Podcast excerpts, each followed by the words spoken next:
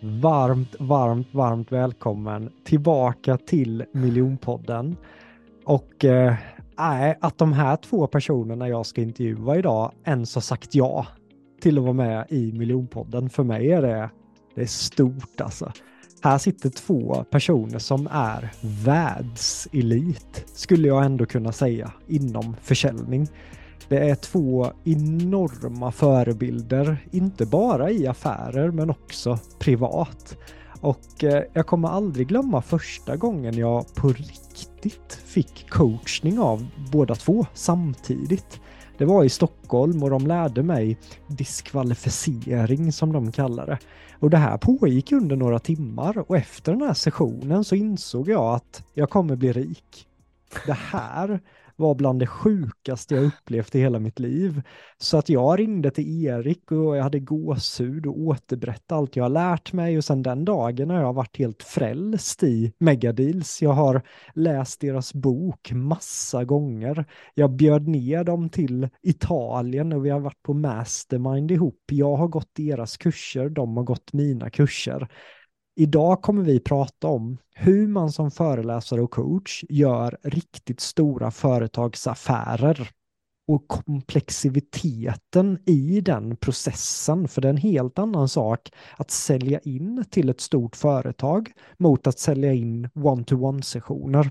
Så det är en stor ära att få välkomna David Klettborg och Bora Brännström till Miljonpodden. Välkomna! Tack Jonathan, herregud vilken uh, introduktion. Kan inte du hänga runt mig dagligen? Det är ju vilken boost man får. Jag hänger gärna runt dig. Det känns som att många hänger runt dig dagligen. Ja, härligt. Det är underbart att vara här. Tack Jonathan. Vad, eh, Bora, vad är du mest taggad på med, eh, med det här avsnittet?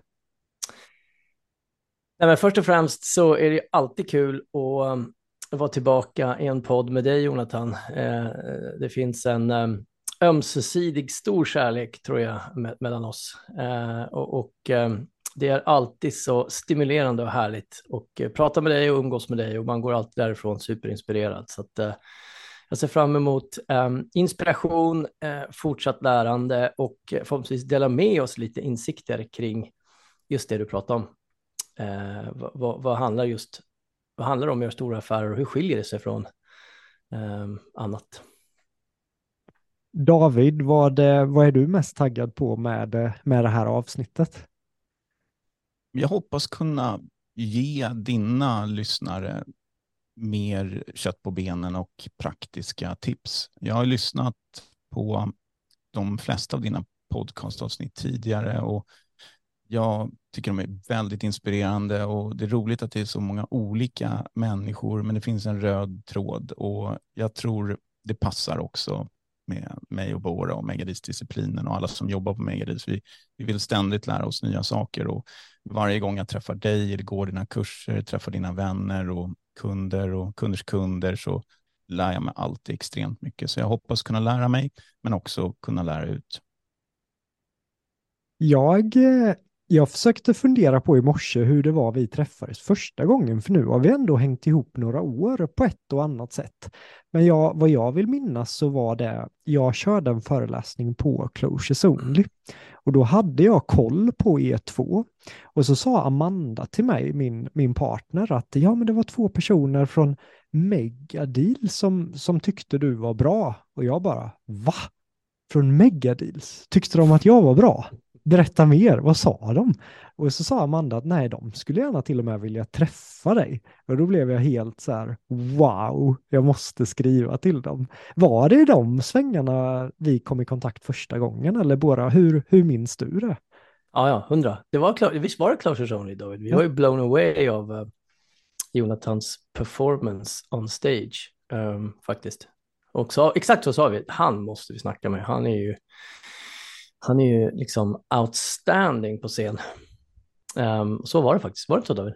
Så var det som jag kommer ihåg ja. det. Och den, den föreläsningen, eller det, det, um, den session du hade, det är det bästa jag någonsin har sett hos en uh, talare. Och då pratar jag inte bara i Sverige, alltså det är ever. Alltså det, det, jag var helt blown away. Jag, du, du, vet på julafton när man tittar på Tjuren Ferdinand så kommer de här matadorerna. Så bara, honom vill vi ha. Den känslan. det var ma magiskt. Jag, jag, jag bara stod och gapade. Wow, det, det känns uh, svårt att ta in det, David, faktiskt. För att det var ju en, ja, men en av mina första framträdanden för en stor publik. Så att jag var rätt nervös då, vad jag vill minnas. Men uh, stort tack för det.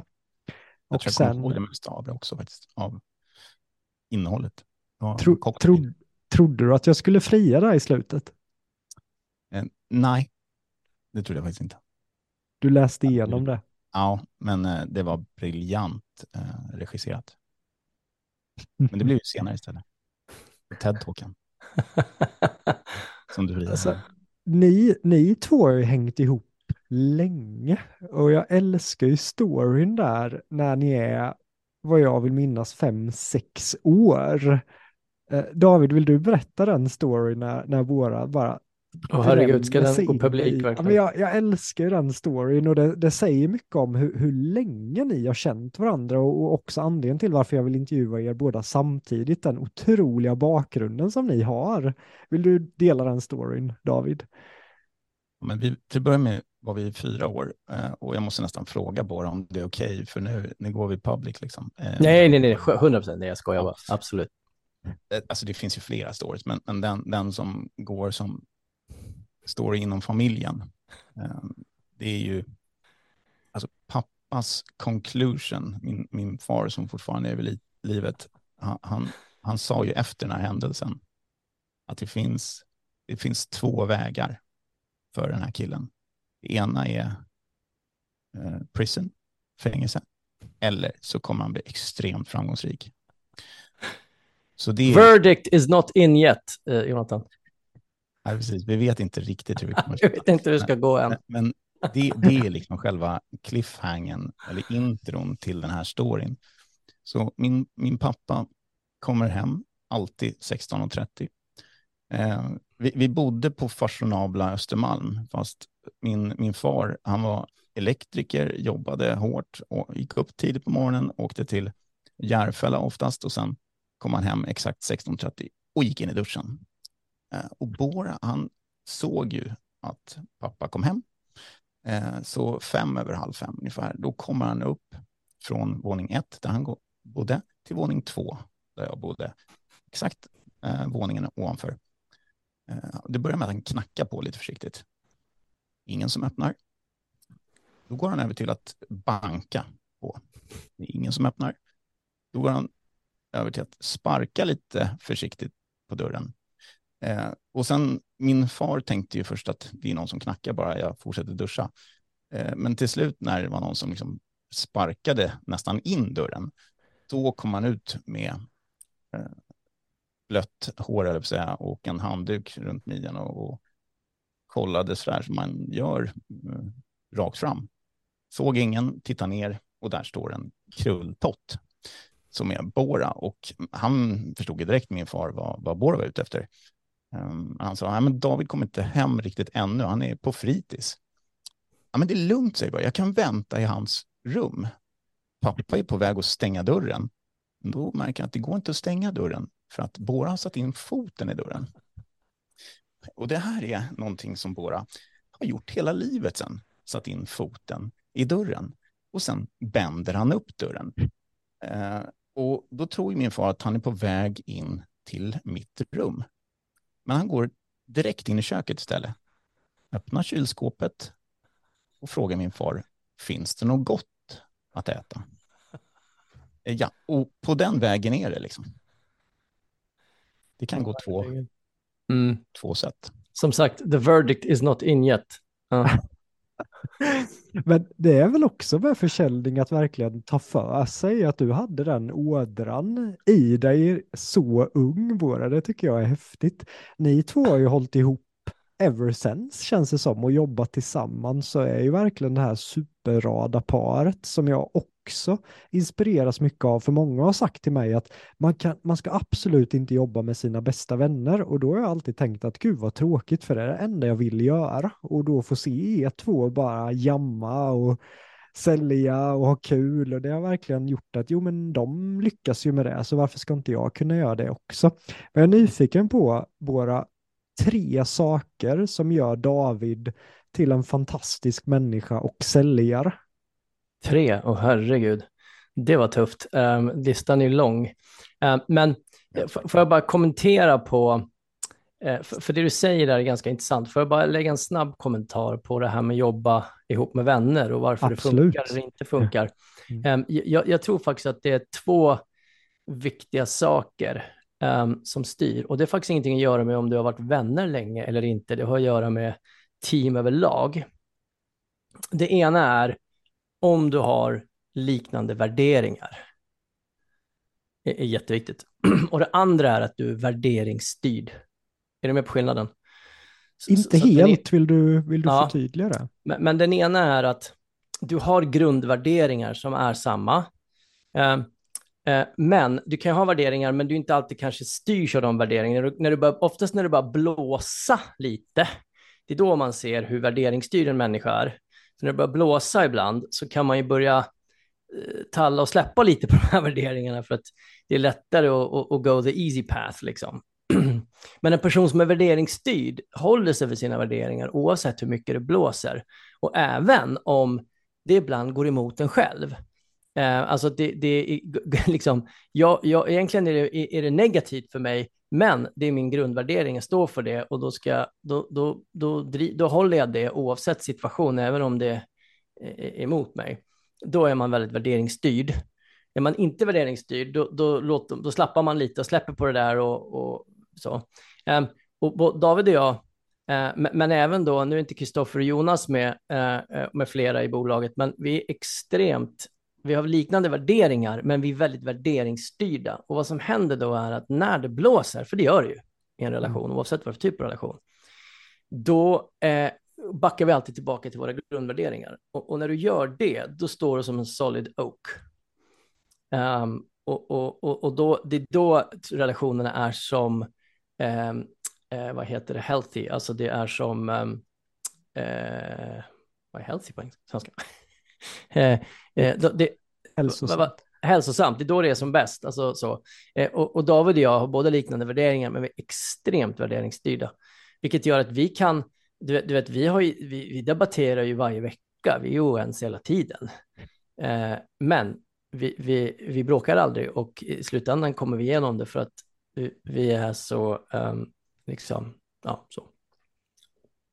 Men då blir jag ändå ny. Du ska ju snart också få säga de här tre goda mm, grejerna. Ja. Men jag, nu när vi ja. jackar in, jag gillar att go with the flow i samtalen.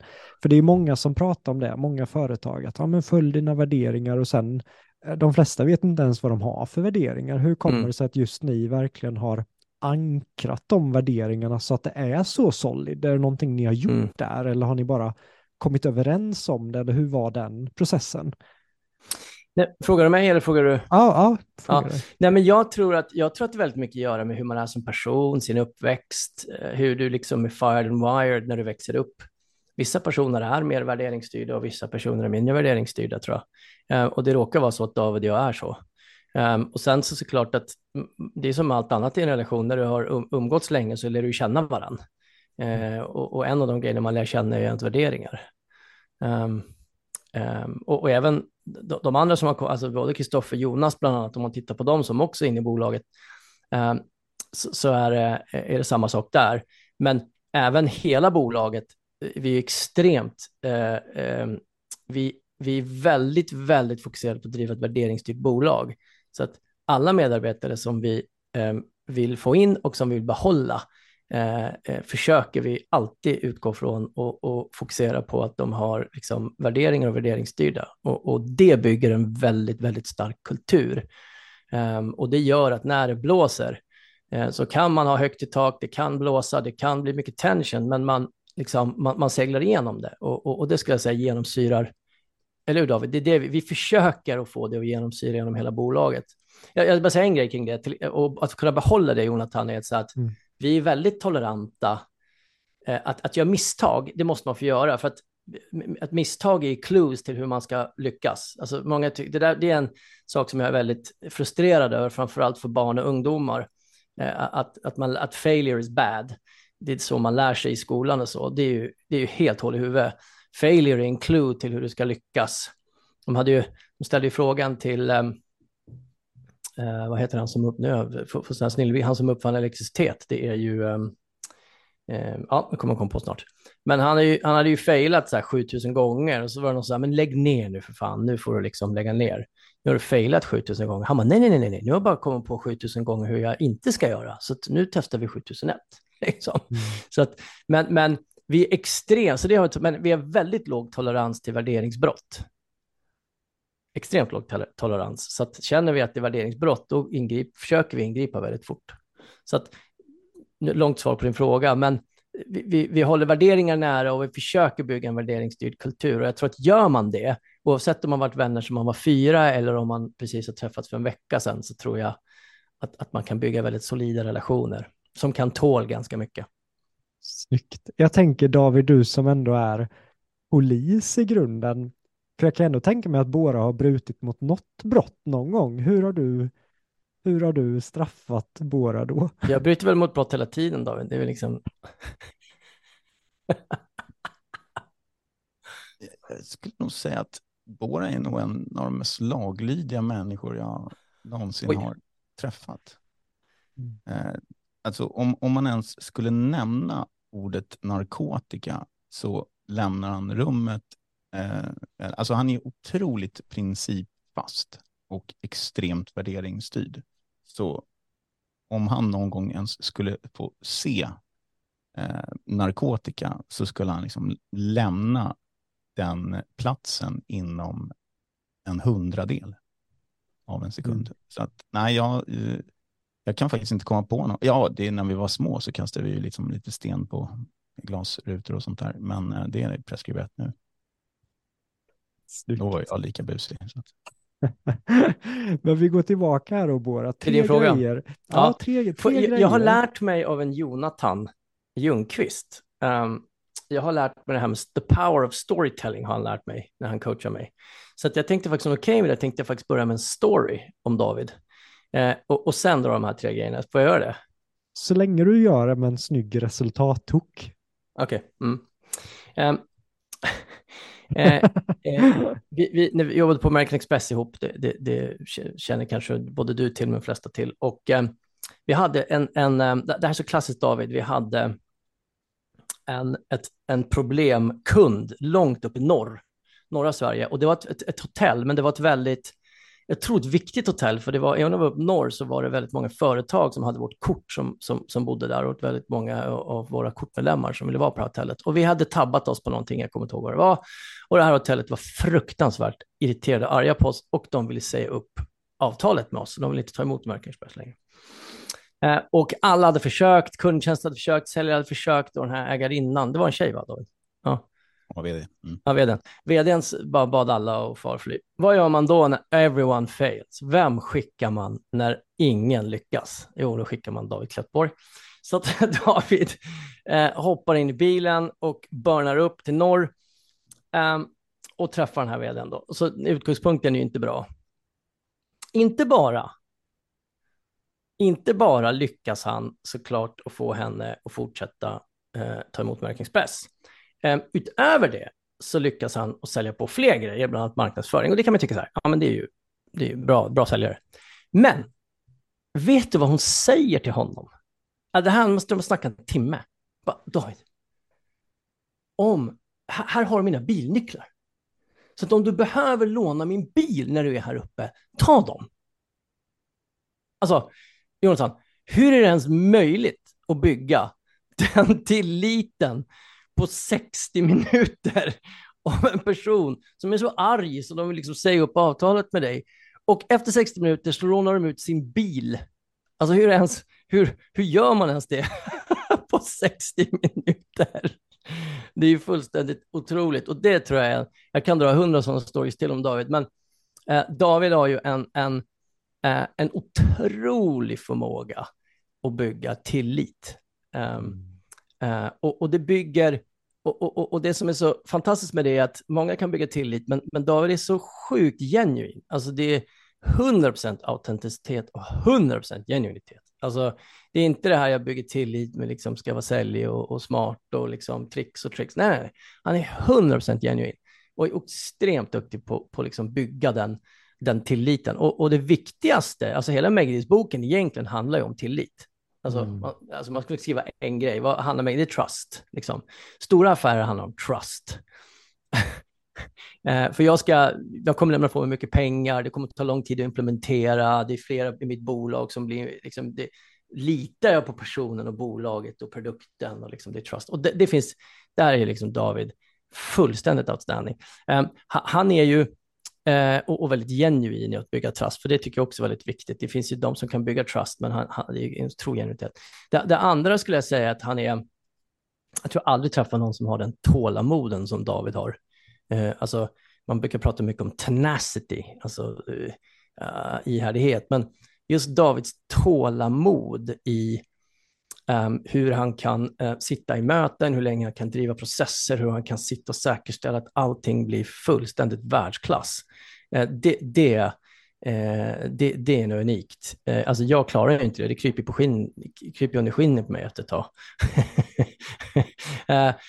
och sen om jag måste välja en trea och jag inte får liksom välja en längre lista, um, så, så um, har David en, en, en, en, en nästan en, en, en, en, en helt vansinnig ambition till att saker och ting ska bli väldigt bra. Så, så att han, eh, han vill alltid leverera världsklass. Han vill alltid lägga till den här, liksom det, det, det, när han lämnar över något till dig Jonathan, då, då, då, då känner han att liksom, fan, nu, nu har jag gjort det här, du litar på mig, nu måste det bli superbra. Så han lägger ju ner extremt mycket tid, möda, kärlek och säkerställer att det blir liksom fruktansvärt bra. Um, så, så de tre skulle jag nog, om, jag, om du tvingar mig att plocka, plocka tre, så uh, trust, tenacity och, och, och liksom, uh, en otrolig liksom, kärlek och kvalitet. Wow. Ser du David, är, det, är, det, är, det, är, det, är jag nära eller? tycker jag var väldigt fint sagt. Lite rörd här nu. jag fattar det. Och vilken story han drar där David om det. Ja. Jag fick ju gåshud. Ja, ja. Nej, det finns inte alltså. Det är David Klettborg alltså. Fick jag någon hook där? Va, du som är, du som är ja, storyproffs. Herregud. Va? Du som men, är stor, har jag, sensei, har jag lärt mig något sensei? Det där var ju svinkul, att istället för att bara svara med tre så drar du en story så du får ja. in förtroendehooken för, mm. för mm, David. Så att, mm. ja men det svåraste fallet, la la la. Och sen mm. blir vi ju supernyfikna så du bygger dopamin med hjälp av en ja, du ser, jag har lärt mig av dig. Ja, med mm. hjälp av de här tre verktygen. Så att jag kommer aldrig glömma på Hooks herrgård bara när du, det kändes som poletten föll ner för dig när vi gick igenom dopamin och det här. Oh, och sen dess har du blivit en mästare på det där alltså. Mm. Men eh, över till, till dig då David. Du fick då trust, att vara genuin, att vara äkta genuin tålamod att ha det här långsiktiga perspektivet och att du har ambitionen att göra det du gör riktigt, riktigt bra. Varför är de här tre ingredienserna viktiga för att göra stora affärer som också föreläsare och coacher kan inspireras av? Precis som Bora sa, så ett, ett bra ord att sammanfatta stora affärer det är om man har möjlighet att på över lång sikt bygga, bygga trust tillit och jobba med, med, med riskmitigering.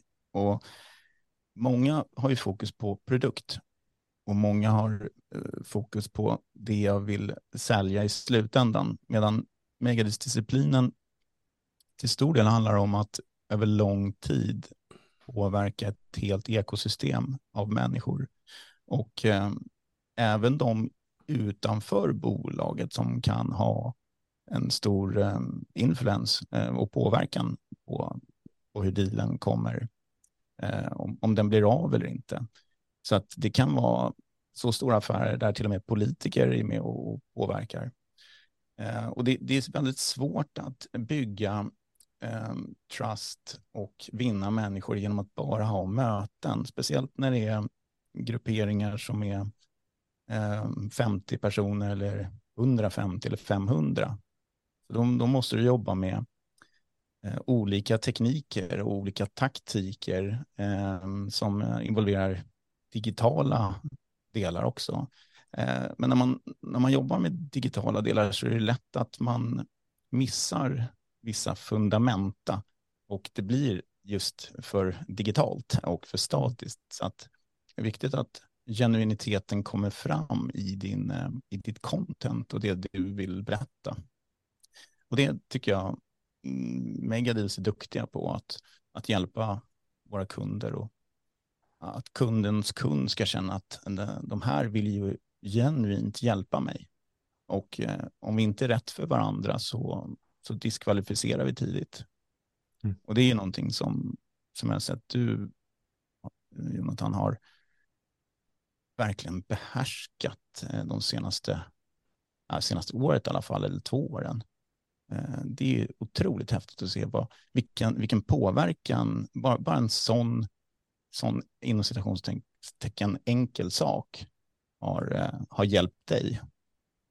Mm. Nej, det är en, en av de bästa grejerna jag har lärt mig inom försäljning som, som också används dagligen varje gång jag får frågan varför ska jag välja dig och de här alla då? Då tänker jag på det ni lärde mig och så kan jag svara kliniskt och sen väljer de ofta mig. Och det tänkte jag vi ska prata mer om senare i avsnittet och där kommer ju en liten cliffhanger-hook också, Bora. jag, jag, skulle säga en grej till, eh, om, får jag lägga till en sak? Ja. Kring det här med trust. Eh, eh, har, har vi tid med det eller? Ja, absolut. Sen ska ja. du få hyllning av, av David, tänker jag. Eh, vi, jobbar ju, vi jobbar ju med eh, scale-ups, oftast sustainability scale-ups, som gör stora komplexa affärer inom B2B. Eh, men som också jobbar mot finite markets.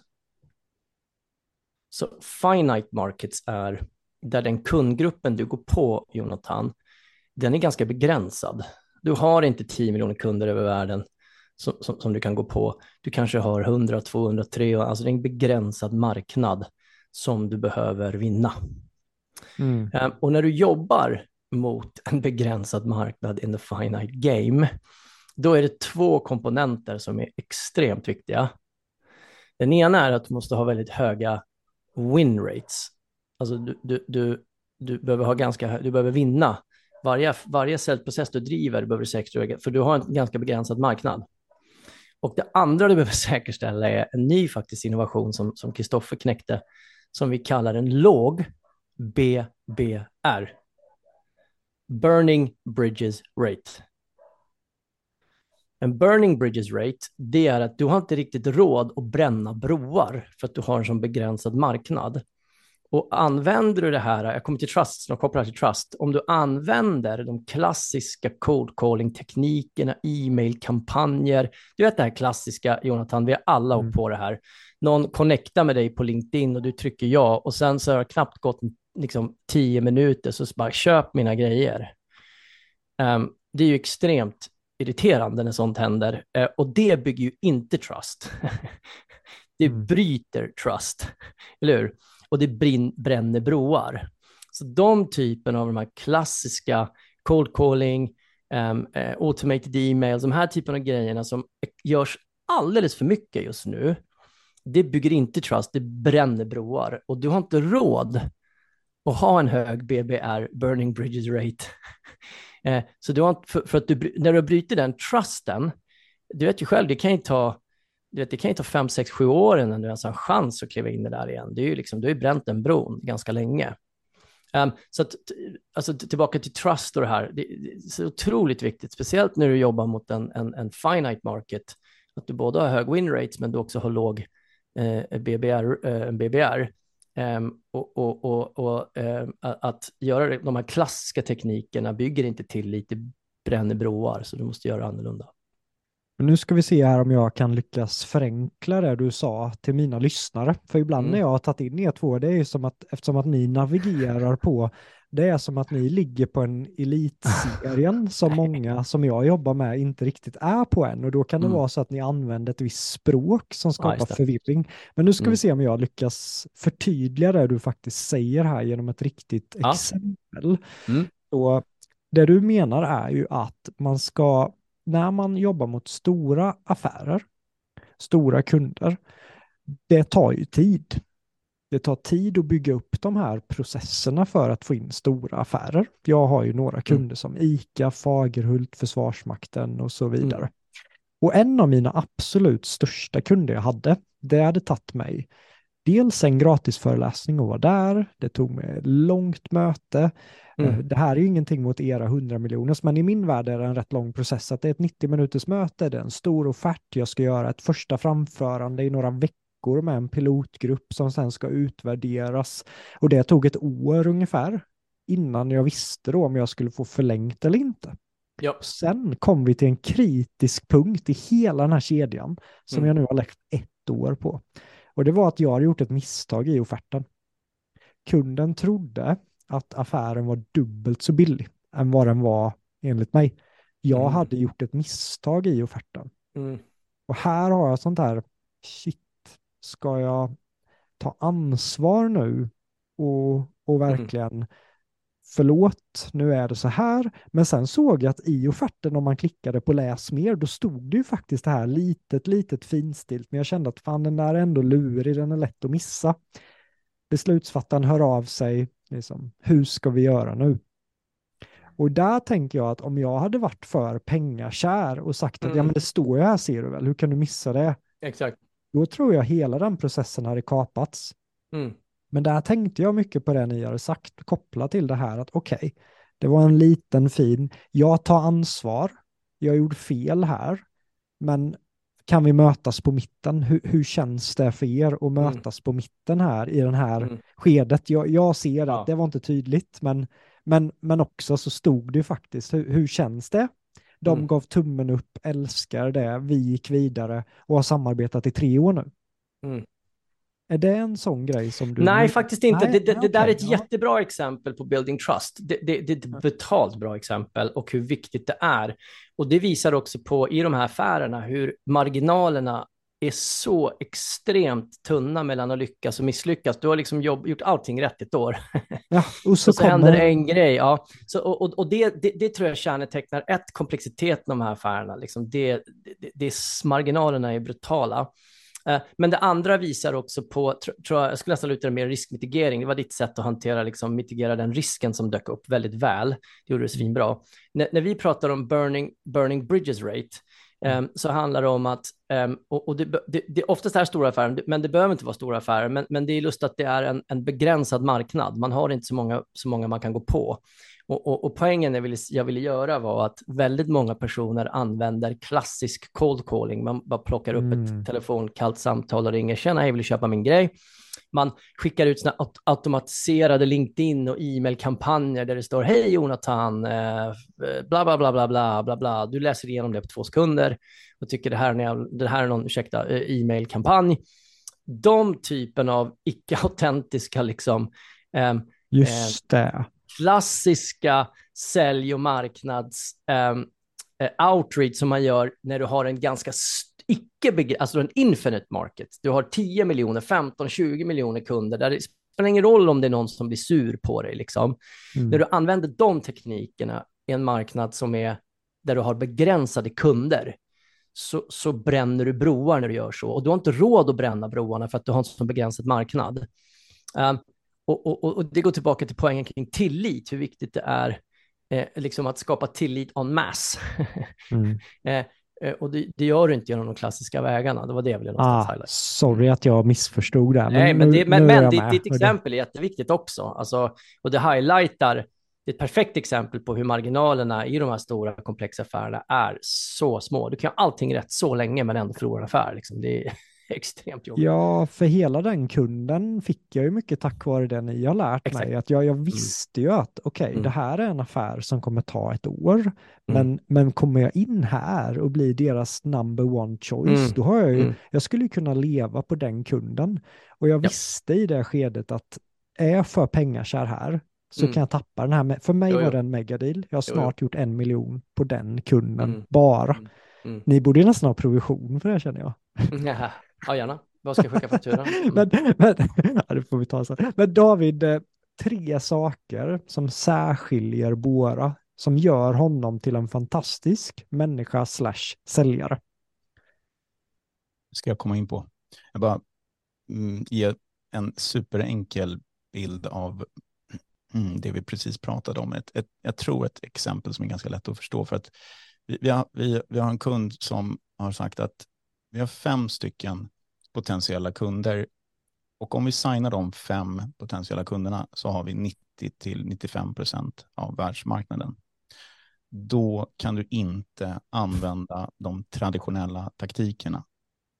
Då bränner du broar, det vill säga om du skickar ditt eh, veckomail som är automatiserat till de här personerna som inte nödvändigtvis pratar om deras eh, eh, möjligheter eller eh, pains eller ja, svårigheter eh, och, och eh, gör ett, ett riktigt bra, eh, bra mejl, ehm, ja men då, då kommer inte de köpa eh, av dig. Eh, och sen så får de ytterligare ett, ett, ett dåligt mejl och sen så får de fem kalla samtal eh, från er och de säger nej, vi vill inte köpa, men ni fortsätter att ringa och så, men vi har sagt vi vill inte köpa det, då, då har du bränt broarna. Och har du då fem kunder som du ska signa, det, det, det finns ingen annan möjlighet än att jobba enligt megadisciplinen. Du kan inte jobba på det traditionella sättet med eh,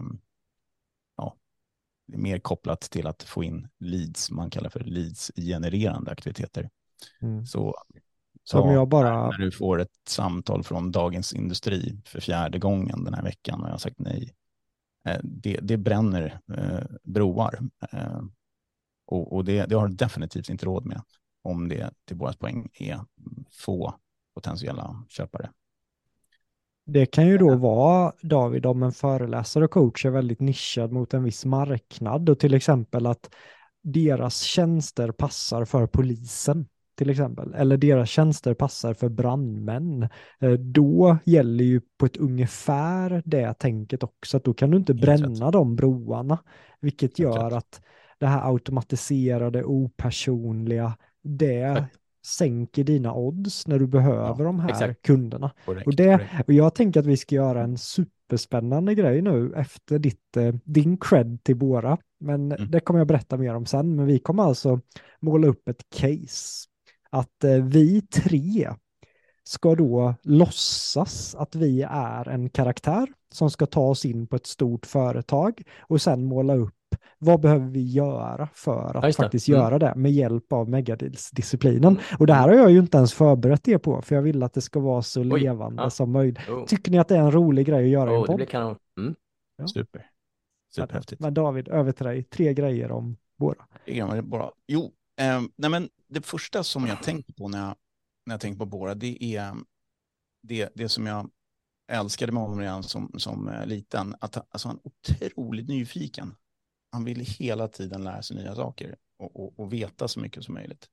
Så, så, du kommer märka det om du någon gång i ett möte med Bora där du förklarar någonting för Bora och så frågar han massor med frågor.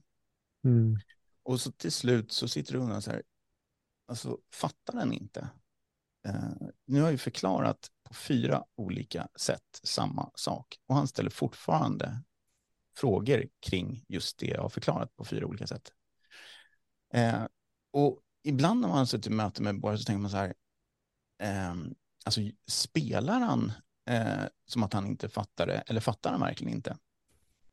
Men det roliga är att han, han har fattat eh, från början. Och jag tror, mig, jag tror att jag har förstått första gången.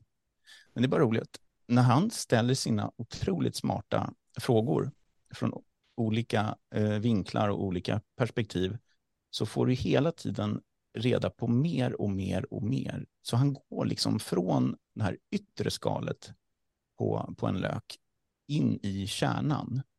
Och han gör det ju inte om det är någonting som är oviktigt.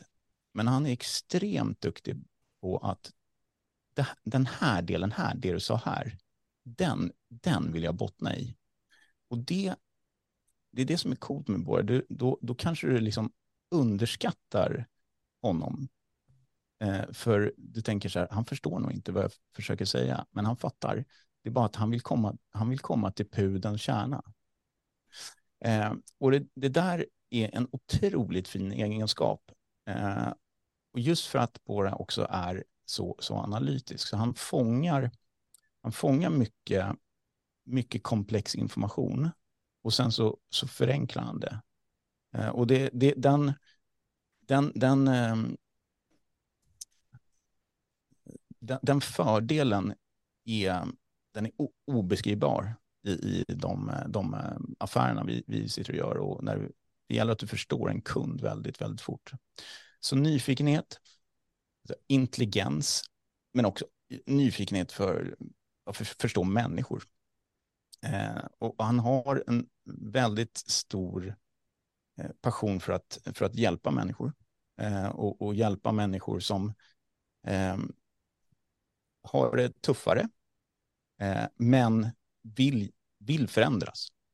Så jag tror eh, historiskt sett har nog både Bor och jag liksom lagt mycket tid på, på människor och bolag och sådär som eh, har det tufft, men, men någonstans vill fortsätta ha det tufft. Eh, men när Bora ser att det här är en person som på riktigt vill förändra, då, då går jag in och, och, och hjälper personen. Eh, eh så en, en, enormt bra, bra coach eh, och en enormt bra ledare. Eh, han är också väldigt jobbig eh, med sina frågor och, och kan liksom hetsa eh, en så att man blir galen. Eh, speciellt om man inte känner honom. För att eh, när, när, du har svarat på samma sak eh, flera gånger ehm, men han är inte riktigt nöjd med svaret. Så det, det kan ju bli ganska frustrerande också. Eh, men, men du, du, du, är alltid, du är alltid på tårna med, med, med Bora. Eh, och, och ehm, en, en person med, med mer energi eh, och ja, men vilja att hela tiden eh, bli bättre. På, på amisk kallar vi det för will to win. Mm. Och, och will to win är ett begrepp som kan, kan misstolkas eller kan användas felaktigt om man struntar i konsekvensen av att vinna. Men, men Bora har en will to win som är kopplad till att vi ska vinna, vi ska vinna ärligt och vi ska vinna rätt fighter. Mm. Eh, så den, det är inte så att vi, vi ska vinna till varje pris, absolut inte, utan den, den, den positiva will to win, eh, vilket gör att man säger att jag, eh, jag inte ger upp. Ja, men, har han väl bitit tag eh, och bestämt sig för att vinna, då, då vinner han. Wow, Bora, hur, eh, hur tas detta emot? Nej, det, det var otroligt fint eh, sagt, David. Uh, väldigt fint sagt, faktiskt väldigt fint. Tackar för. Så jag innerst menar... inne är han snäll också. så jag menar redan nu då har vi ju eftersom att ni två är personer som gör väldigt stora affärer, så bara du har vi gett värde till lyssnare bara genom att få ut era bästa egenskaper. Och just med, med dig då David, att vara genuin, äkta, bygga förtroende och verkligen göra det riktigt, riktigt bra med Bora. Otroligt driven, nyfiken desto mer ny. Och det, det, tar jag med mig från sessionerna främst. Det var ju du som gick in i coachande rollen med mig. Du gav det ju inte. Jag ställde ett svar, jag svarade och du stod ju där och bara hamrade ner mig till slut med dina frågor och det var sån, det var sån intensitet att man kunde nästan ta på det. Så att eh, det, särskiljer ju dig enormt och just vinnarmentaliteten. Så att mm. eh, bra egenskaper helt enkelt att ha för att göra stora affärer. En sak som jag tycker att ni båda har, som jag också tycker blir häftigt för stora affärer, som jag också sett toppsäljare i, i världen faktiskt ha, det är ju er förmåga att skifta mellan energier. Jag tänker på, på dig Bora, ibland är du den här roliga och sköna personen i Toscana. Vi dricker rödvin, vi skojar, vi har kul. Och sen ibland när jag har ringt dig och sagt att ah, men jag har lite utmaningar här, kommer jag aldrig glömma. Jag tror jag var ute och paddla kajak. Och det var något dilemma med om jag skulle lämna ett tidigare jobb eller inte. Det var någonting som hade hänt. Och du skiftade energi och blev plötsligt den här hårde eh, Bora. Och jag hade aldrig pratat med den Bora innan, så jag blev ganska chockad. Och du sa, Jonathan, jag tror du ser hur jag står upp just nu. Jag bara, Uh, ja, Bora. Ja, jag, jag står här, fan jag är rakryggad och jag pratar med dig. Du, du är ingen jävla tvekan i min röst, eller hur? Jag bara, nej Bora. det var en helt annan person, men jag kände att jag lyssnade på mm. varenda ord du sa och jag tyckte mm. det var häftigt. Och sen helt plötsligt, när du var klar, så började du skoja med mig igen och jag bara, shit, vad hände där egentligen? Dr. Jekyll and Mr. Hyde, schizo. Och, och det kan jag tänka mig att du kan använda i försäljning i hela rubbet, att du kan få folk att skratta, mm. men du kan också vara väldigt rak och tydlig. Och just förmågan att känna in när, när du behöver vara vad. Mm. Har det gynnat dig som säljare? Jo, men det, det, kallar, det var intressant att du plockar upp det, eh, Jonathan och David, han, han, eh, han känner mig väl, så att, liksom, men, men jag, jag kallar det gummibandsmetoden. Um, och gummibandsmetoden är faktiskt någonting som vi lärde ut inom förhandling på American Express. Faktiskt. Um, inom, um, vad var det hette då? Situational... Leadership och situational sales. Nej, det var situational sales negotiation, eller negotiation. Det hade någonting med förhandling i alla fall. och, och, där lärde jag mig först, men, men det gummibandet applicerar jag även på ledarskap, jag applicerar det på massa andra ställen och du gav ett exempel på hur det applicerades. Men gummibandmetoden bygger på att ehm, um, när, när, du har ett, om de tänker ett gummiband och det, det är slappt, um, och då är det oftast i relationsmode, Jonathan. Alltså alla mår bra, det är gosigt, det är gulligt, man garvar så här. Men, men det, oftast så, så, rör man sig inte fram, det händer inte så mycket för alla är liksom i skön mode. Vad du måste göra då, den här modellen säger att du måste dra lite i gummibandet och då skapar du lite tension.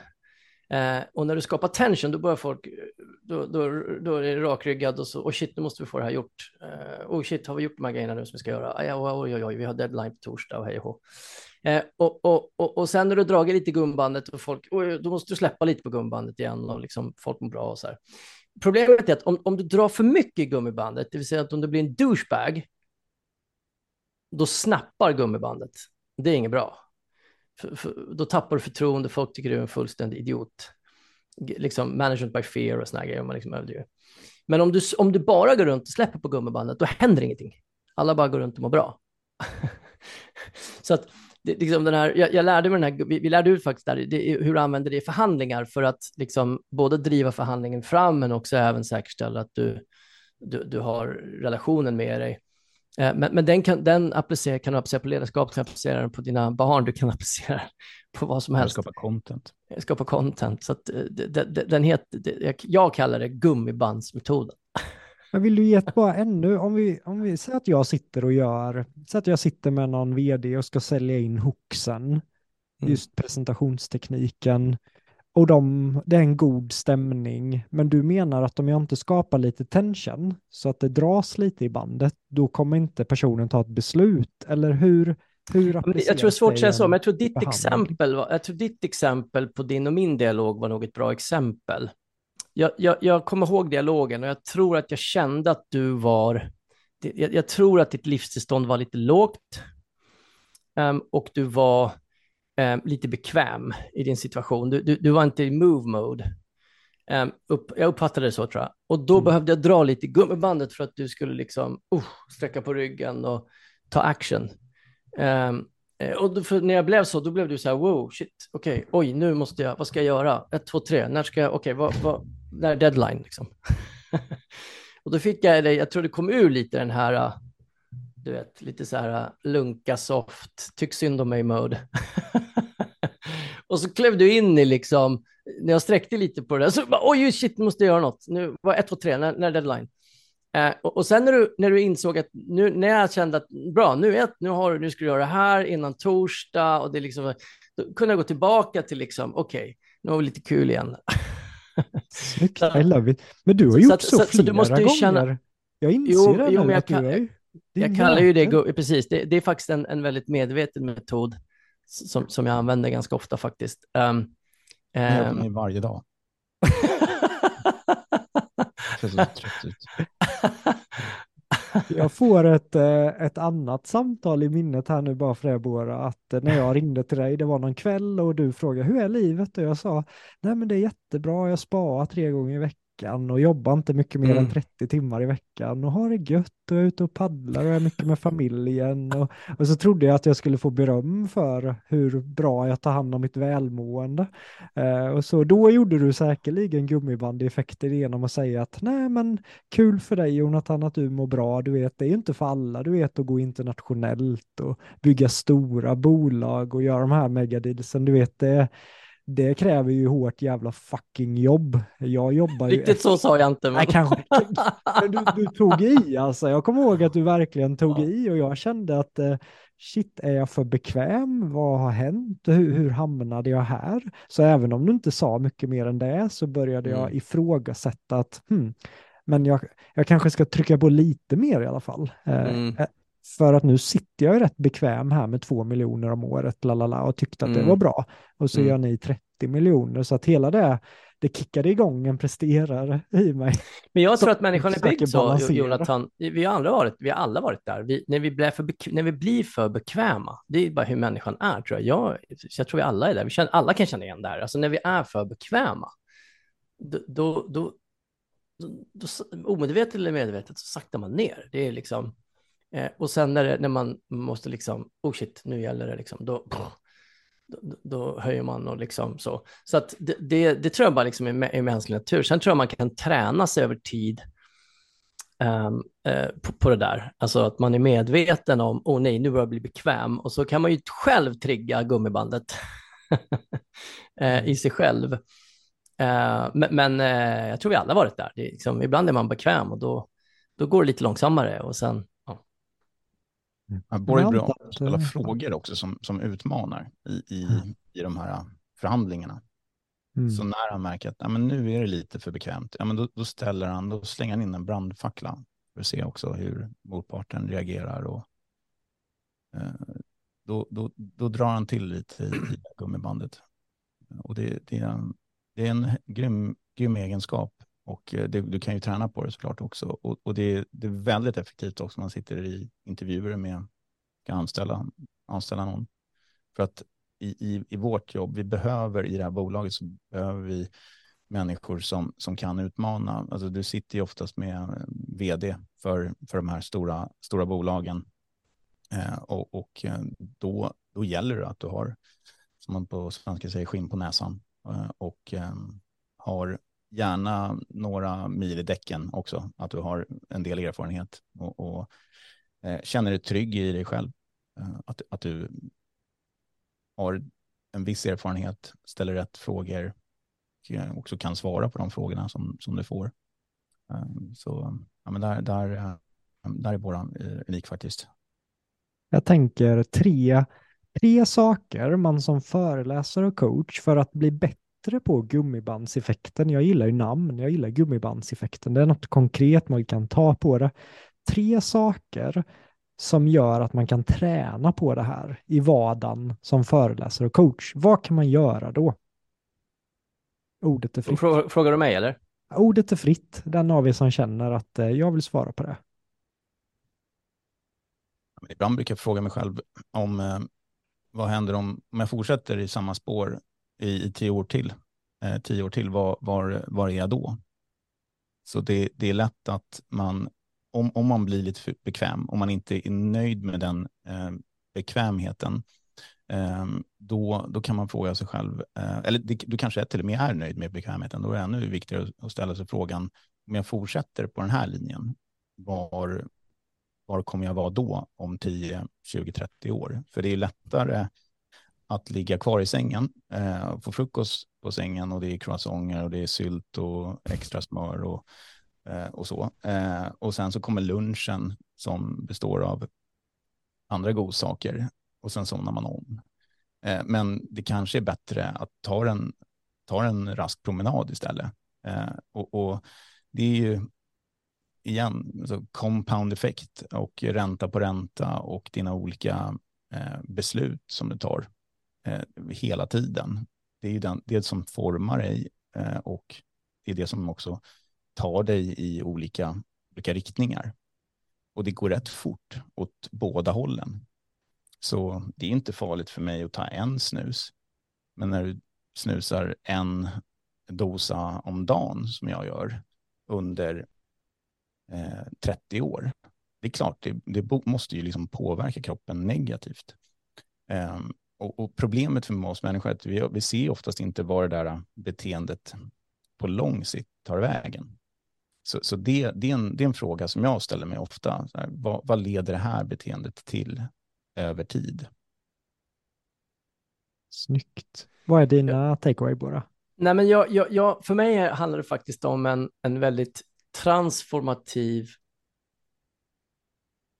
händelse som hände faktiskt i mitt liv för nästan 20 år sedan. Som la grunden för gummibandet. Eh, här fick du dopamin. Eh, och, och eh, jag hade en, eh, jag hade en, en skottschef, David vet vem det var. Och eh, han sa så här, eh, han, han, sa så här, jag kommer ihåg att han sa så här, bara, you're not being authentic. Och jag var så här, jag kommer att bli skitsur. Jag bara, vad fan snackar han om? I'm Mr Authentic liksom. Men sen när jag lät det där sjunka in lite och, och, och lät liksom egot lugna ner sig så kom jag på, fan killen har ju rätt ju.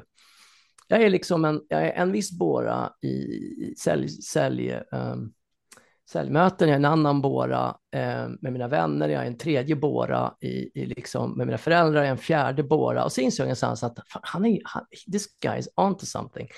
Och så började han coacha mig i det här med liksom authentic leadership. Mm. Och jag trodde när jag, jag blev ledare väldigt ung, jag var 24 när jag blev säljchef. Um, och, och jag trodde att leda handlade om att få alla tycka om en. Om, alla, om, jag, om jag alla är glada och alla tycker om mig, då kommer det här gå bra. Och så insåg jag ganska snabbt att det där var ju recipe for disaster. Total trainwreck. Um, ehm, och vad jag lärde mig av den här killen var så här att authentic leadership handlar ju om att vara autentisk och rak. Um, och jag tror faktiskt, även om folk inte vill, så tror jag att folk vill att man ska vara rak. Jag tror faktiskt, Jonathan, du vill att jag ska säga till dig jag tror, inte, jag tror inte du vill att jag ska lägga massa clouds och liksom, men Jonathan, du är så gullig och snygg och fin. Och, jag, jag tror du vill veta, det här gjorde du inte bra, eller det här behöver jag bli bättre på. Liksom. Um, och sen när, jag ins när, när den poletten trillade, att det handlar inte om att bli omtyckt, det handlar om liksom att vara väldigt autentisk och rak och vara sig själv i alla situationer och faktiskt ge rak, tydlig feedback för gummibandet kräver ju att du kan göra det. Och det är oftast någonting som är utanför folks kamp, var långt utanför min comfort zone, Jonathan, att, att göra det. Så att jag fick ju träna i år på att vara autentisk, det låter ju nästan komiskt. Ehm, men, men jag tränade på att vara mig och jag tränade på att vara väldigt rak och jag lovade mig själv att jag ska kämpa för att verkligen säga det som är till folk, inte vad folk vill höra eller clouda in det eller liksom moln och grejer. Och i början kan det vara jättejobbigt. Det blir så här, oh, det är som du, det blir som en kalldusch.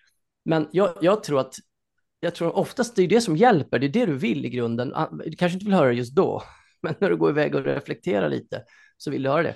För gummibandet kräver det. Gummibandet kräver authentic leadership. Det kräver att du är autentisk och rak, inte massa fluff och massa så här, ja, man säger något som Jonathan vill höra för att jag inte ska såra honom. Jag tror du gör någon en otjänst om du håller på så. Eh, så, så, att du måste våga kliva ur din comfort zone och vara rak och vara autentisk. Det är inte så jävla lätt. Det tog mig flera år att liksom lära mig det. Ja, så. Och det transformerade mig som person. Det transformerade mig som person, Jonathan. Alltså båda mot hur jag mot mina barn, hur jag mina relationer, hur mitt ledarskap. Totalt transformerade mig. Förlåt, David. Ja, men jag har ett jättebra exempel och jag har från en annan ledare som, som vi hade på American Express och, och framförallt jag hade på American Express. Hon, hon sa, David, we need to shake things up. Vi måste skaka om saker och ting. Och jag fattade inte varför, för allt funkade så bra. Uh, but that's why we need to shake things up. Mm. Så det, det, där, alltså det tog så otroligt lång tid för mig att förstå varför ska vi skaka om saker och ting när det går på rutin, när allting går så mm. bra. Eh, och just när hon sa, ja men det är därför att vi gör allting på rutin. Det är därför vi måste byta konton så att du får den här kunden och den personen får den kunden. Eh, och Mm, byta platser med varandra och våga göra förändring för förändringens skull. Eh, och det där kanske är mer liksom, am amerikansk läggning än, än, än, svensk. Jag vet inte om det finns liksom, att det går tillbaka med så kulturella bitar och så. Men oj, vad jag lärde mig av att ta, du tar state, status quo och sen så bara gör du förändring. Det, det, du lär dig så otroligt mycket på, på den förändringsresan. Så kommer det inte externa eh, krafter som gör att alltså typ covid som en change driver, eh, ja, men då, kan du, då kan du skapa förändring själv för att du skapar dynamik. Och det är mm. likadant med den här gummibandstekniken. Så när det blir, när det blir på, på den här kurvan, eh, som inte är någon kurva längre, utan det, det är bara på EKG, då måste du liksom dra igång hjärtstartan. Du måste skapa impact, förändring. Ja, det enda luriga med att ni frontar en sån här spännande grej, det är att eftersom jag inte har hört det innan blir jag ju superintresserad av det. Men då tappar jag ju det som jag redan har lärt mig, som jag hajpade i. Så jag blir så här förvirrad. Ska jag fortsätta fråga om det här nu eller ska jag liksom dra oss tillbaka? Men det här var i alla fall, jag älskar det. Jag kommer sätta mig in mer i gummibandseffekten och mm. Som ni sa, det funkar föräldraskap, ledarskap, försäljning, men också i livet. Jag tycker att alla mina äventyr jag har gjort stretchade ju mitt gummiband mm. och efter varje äventyr så var jag starkare och sen gick jag ut och skulle göra något så stretchades det. Så att äventyren har ju verkligen, mitt gummiband har, den klarar mycket tension, eh, stress och hela rubbet just nu som entreprenör för jag har stretchat det så mycket som äventyrar. Men eh, är ni redo för eh, eld Nej, jag måste bara fråga det här också David, eftersom att det är inte alla i, min, i mina lyssnare som, som vet om det här, men också då kopplat till gummibandseffekten när, när du fick eh, hjärntumör. Eh, hur, hur påverkade det dig som person, som entreprenör, kopplat till, jag, jag tänker om det är något som har gjort dig stark så är det väl också gått igenom en, hela, hela det. Vill du, ja, ordet är ditt. Men första gången jag fick en tumör, det var inte i hjärnan, det var utanför eh, hjärnan, men ändå uppe i huvudet. Eh, och eh, jag vet inte om du vet det, men, men eh, jag, jag, har fortfarande eh, en, en tumör som hela tiden eh, växer ovanför vänster öga som påverkar mig mycket i, i, i vardagen också. Men den har jag lärt mig att leva med och det var när jag opererade bort den och man höll koll på, på den genom att göra Eh, hjärnscanningar som man eh, hittade en snabbt växande hjärntumör i eh, lillhjärnan som också tryckte på det stora blodkärlet som förser hela hjärnan med blod. Och de sa att vi måste operera bort den här eh, ganska så snart, för annars dör. Och det var ju ett litet chockartat beslut som tog ett tag att bearbeta. Jag minns inte hur jag tog mig hem från sjukhuset, men jag körde ju. Så när jag kommer hem så ja, kom det ju över mig och det kom ju såklart över mig även i, i bilen. Men det var liksom tvunget att sjunka in lite för att verkligen förstå det fullt ut. Eh, så att, nej, men det förändrade ju mitt liv totalt eh, till det bättre, eh, vilket är en podcast i sig faktiskt. Mm. Och jag skulle kunna skriva en bok om, om bara den resan för att alltså det, om man ska bara summera det i, i, några meningar så, så var det, det var det jobbigaste jag har gått igenom. Men det absolut bästa jag gått igenom när jag ser tillbaka på det. Det, är, det, det gör ju att eh, jag sitter här idag. Och, och eh, när jag vaknade upp och knappt kunde se så stod ju Bora där eh, med en whiteboard och sa nu ska vi starta eget. Ehm, eh, och liksom, tänkte Bora med hans energi och passion kommer in med en whiteboard och börjar skissa upp hur vi ska starta eget och jag, jag håller på att dö. Eh, och det var ju det som gjorde liksom att eh, jag blev ju frisk på bara några dagar istället för eh, några månader. Inte bara det. Men... Det var mm. bara det. Nej. På vilket sätt då gjorde det dig friskare och få, få den energin? Nej men ärligt talat så hade jag, eh, jag och Bora hade innan operationen eh, kört väldigt mycket mental träning. Eh, väldigt mycket fysisk träning. Jag har alltid tränat varje dag hela mitt liv.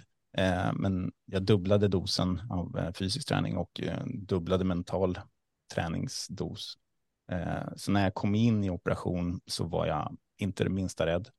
Jag visste att allt var bra. Jag hade gått igenom det flera hundra gånger i huvudet. Jag var helt primad på att jag skulle vakna upp och vara mm. stark. Eh, sen när jag vaknar upp så är jag helt golvad. Eh, men läkaren som var grym, grymt bra, han sa bara upp och gå. Tyck inte synd om dig själv. De, de där orden ekar i mig hela, alltså varje dag tror jag, sen han sa dem. Så tyck inte synd om dig själv, upp och gå. Mm. Eh, så ibland om jag tycker synd om mig själv så gör jag det i tio sekunder. Och sen frågar jag mig själv, okej, okay, and, and now what? Okej, okay, Bora var, var ovanligt hård mot mig nu. Eh, okej, okay, now what? Eh, och då hittar man lösningar. Eh, och då hittar man kraft. Och så kan man tycka synd om sig själv i 30 sekunder. Så kör man. Wow. Jag kan bara som sagt föreställa mig när du gick igenom det, hur ditt tension i gummibandet gjorde dig otroligt mycket starkare för alla situationer. Men jag är ändå nyfiken också, Bora, eftersom att jag går igenom en liknande, inte med hjärntumör, men min bästa polare har fått eh, en ganska aggressiv cancer och jag tycker det är fruktansvärt att stå vid sidan av. Um, vad har du för råd eh, till mig i, i denna situationen, du som har stått där med din bästa vän? Herregud, jag är liksom ingen, ingen proffs eller läkare så, men jag, jag, jag tror att um, jag, jag, tror faktiskt du ska någon dag intervjua David, bara fokusera på, på den händelsen och hur han, jag tror det kommer vara en otrolig inspiration för många, hur han primade sin kropp och, och knopp mm. faktiskt. Um, och hur han, alltså det var helt sjukt, du vet, for, läkarna var chockade när han kliver upp. Han, var det två dagar efter då? Var det liksom ute och sprang? Alltså det var, eh, folk var liksom, men alltså läkarna var, va? Jag cyklade en mil på träningscykeln efter tre dagar. Eh, så de sa att det skulle vara eh, åtminstone ja, minst fyra veckor, eh, kanske dubbla på intensiven och sen lika länge på, på rehab. Men jag var ju på intensiven två eh, eller tre dagar och sen eh, två eller tre dagar på, på rehab och sen skrev de ut mig för att jag tyckte jag var för frisk. Så liksom tre dagar efter är han på en, alltså standardindex är att du ligger på intensiven i sex, sju veckor. Tre dagar efter sitter han på en cykel och cyklar i flera mil. Um, och då är frågan, så här, vad är det som skiljer då en person som ska ligga, nio av tio ligger på intensiven, men det är en person som råkar liksom vara up and running och cyklar efter tre dagar. Är det en coincidence? Nej, absolut inte. Um, det har faktiskt att göra med, jag tror så stenhårt på det här, jag har ju en, en eh, du, du, vet det Jonathan, jag har ju liksom buddhist i grunden, så jag både mediterar och har en filosofi som stöttar, men um, vi, vi, påverkas ju extremt mycket av externa faktorer, alltså varje dag. Eh, det där är en extrem händelse såklart, men om vi tar liksom vanliga grejer, du vet, du får, du får en skattesmäll på 100 000, eh, ditt livstillstånd går ner, plötsligt så öppnar du nästa kuvert, du har vunnit en miljon, Hopp, ditt livstillstånd gick upp. Eh, du vet. Och så här pendlar vi varje dag, vårt livstillstånd pendlar ju utifrån saker som händer, positiva och negativa grejer. Och när vårt livstillstånd är lågt, eh, då, då, tar vi oftast, eh, då mår vi oftast inte bra, vi tar dåliga beslut som leder till dåliga resultat och så börjar vi och nu har de ju dessutom, eh, eh, jag vet inte om du känner till epigenetics, men det är en forskning nu som har kommit till liv som, som, som pratar om att um, sjukdomar och sånt är liksom inte genetiskt lagd. Det är faktiskt att göra med två saker, vad du stoppar i dig och ditt, uh, liksom, hur, hur, du, hur du, um, vad du matar hjärnan med och hur den hjärnan matar kroppen med, med olika hormoner och grejer.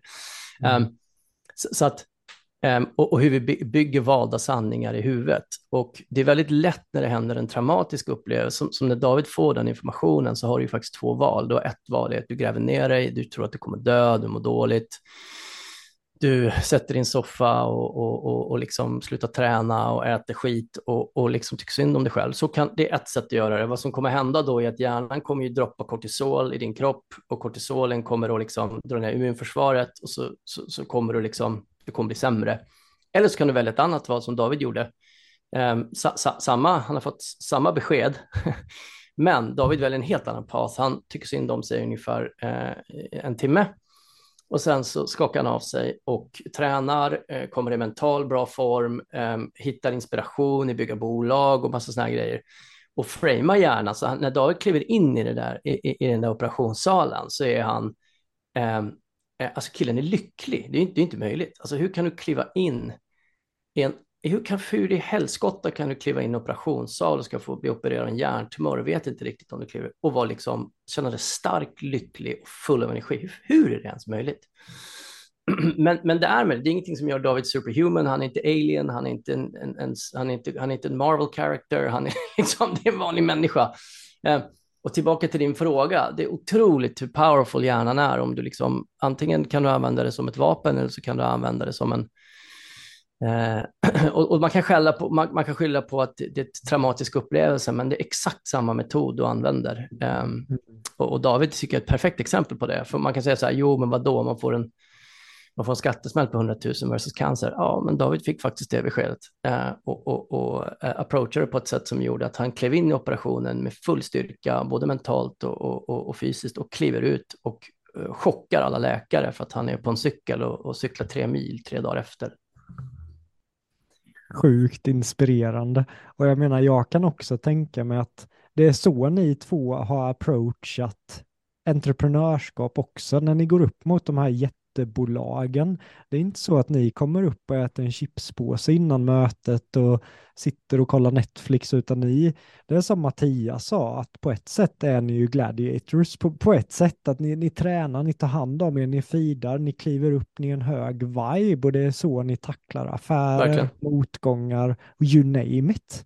Verkligen. Men nu ska vi göra det stora case. Är det okej okay om jag mm. håller er kvar en kvart eh, till? För nu är ju... Mm, absolut. Ja, mm. är det okej. Okay. Snyggt.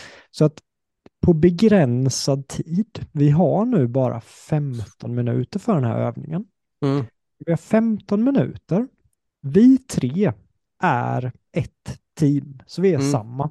Vi är tre personer som har fått för oss att eh, vi ska coacha inom eh, Ja, vad tycker ni? Vi får välja helt ett ämne. Jag tänkte först hoxen, bara, men det blir för enkelt. Vi tar något ämne som inte är vårat ämne.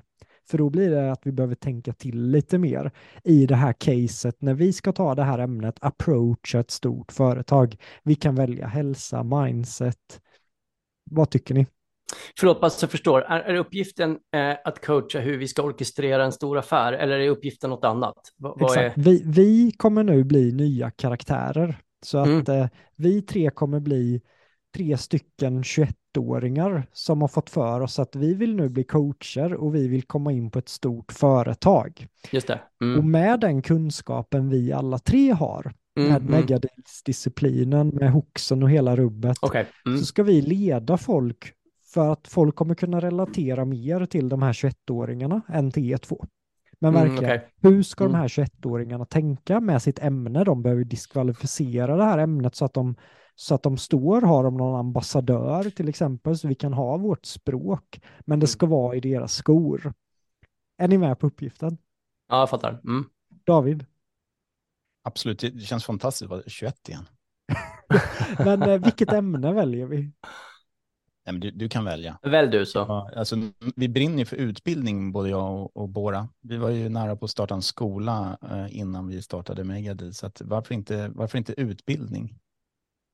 Är det bra ämne, mm, Jonathan? Det, det, det, kan det ju vara, men kan det då vara utbildning för vad som helst och hur man effektiviserar utbildning, eller vad är det vi säljer? Det kan vara att vi, vi, vi säljer en ny kategori av utbildning Mm. Det skulle kunna vara eh, något som kommer väldigt, väldigt snart. Eh, och det är hur eh, AI kommer påverka utbildning Eh, och det, det, du måste sälja in eh, en, eh, en, ny, en ny kategori, eller i alla fall ett helt nytt sätt att mm. eh, tänka kring, kring utbildning. Vi tar utbildning AI-konceptet. Mm. mm. Och eh, så väljer vi ett stort företag som vi tänker att det här företaget borde gynnas av framtidens utbildning. Mm. Vilket företag väljer vi? Jag tror att du skulle kunna sälja in det till eh, Apple. Mm. De har försökt knäcka det tidigare vet jag i alla fall. Om de mm. har det som fokus nu. Men... Så nu har vi 15 minuter. Vem av oss är lagkaptenen? Det är Bora, han är vd för Megadeals. All right. Så då är det du nu, Bora, som kommer vara drivande i det här. Mm. Och det vi behöver göra, det är ju att vi behöver skapa som en subkategori då. Vi behöver göra oss unika med den här mm. twisten. Mm. Vi behöver approacha Apple, inte då via direktmail, utan hur, hur ska vi approacha ett av mm. världens största företag?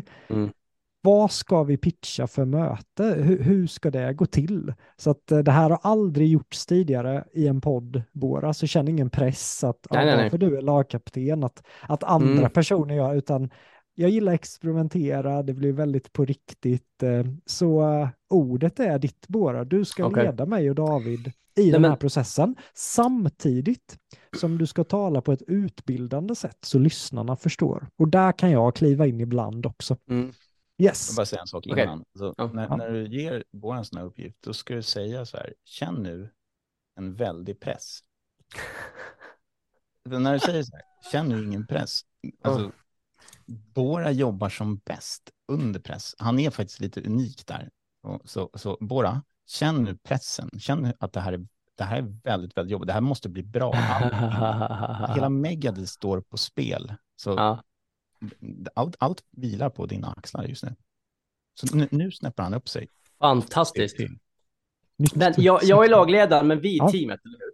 Vi är samma team. Det är okay. som mm. Steve Jobs sa. Vi okay. är ditt team. Men mm. du ska bolla med oss också och få lyssnarna mm. att förstå. Okej. Okay. Eh, då skulle jag vilja så här att, att um, eh, då skulle jag föreslå att David är the rainmaker. Vad är rainmaker? David är eh, han som är eh, säljaren. Mm. Det är han som är, eh, eh, vi pratar om orkestrering. Jag ska inte gå in på var, hur vi kommer till orkestrering för det tar för lång tid, men han är den som orkestrerar affären. Så han är den som står längst fram och säkerställer att orkestern bakom honom, det vill säga hans bolag och orkester framför honom, det vill säga Apple, att det, den orkestreringen funkar och att eh, okej. Okay. Och du är, eh, du är marknadschef. Okej, okay.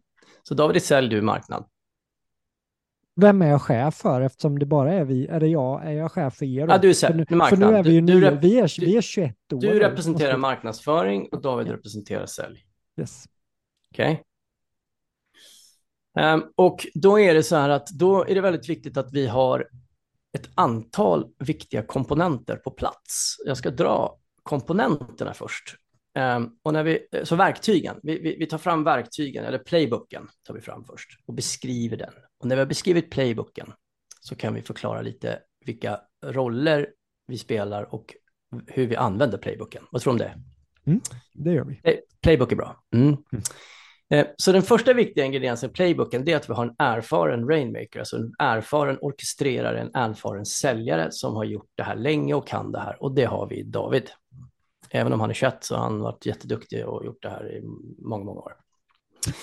Eh, och eh, och eh, sen så eh, behöver vi göra, ehm, vi, vi har ett antal verktyg framför oss. Vi har först ett verktygslåda som heter The Five Cornerstones, de fem hörnstenarna. Det är en verktygslåda och det finns fem komponenter i den här verktygslådan.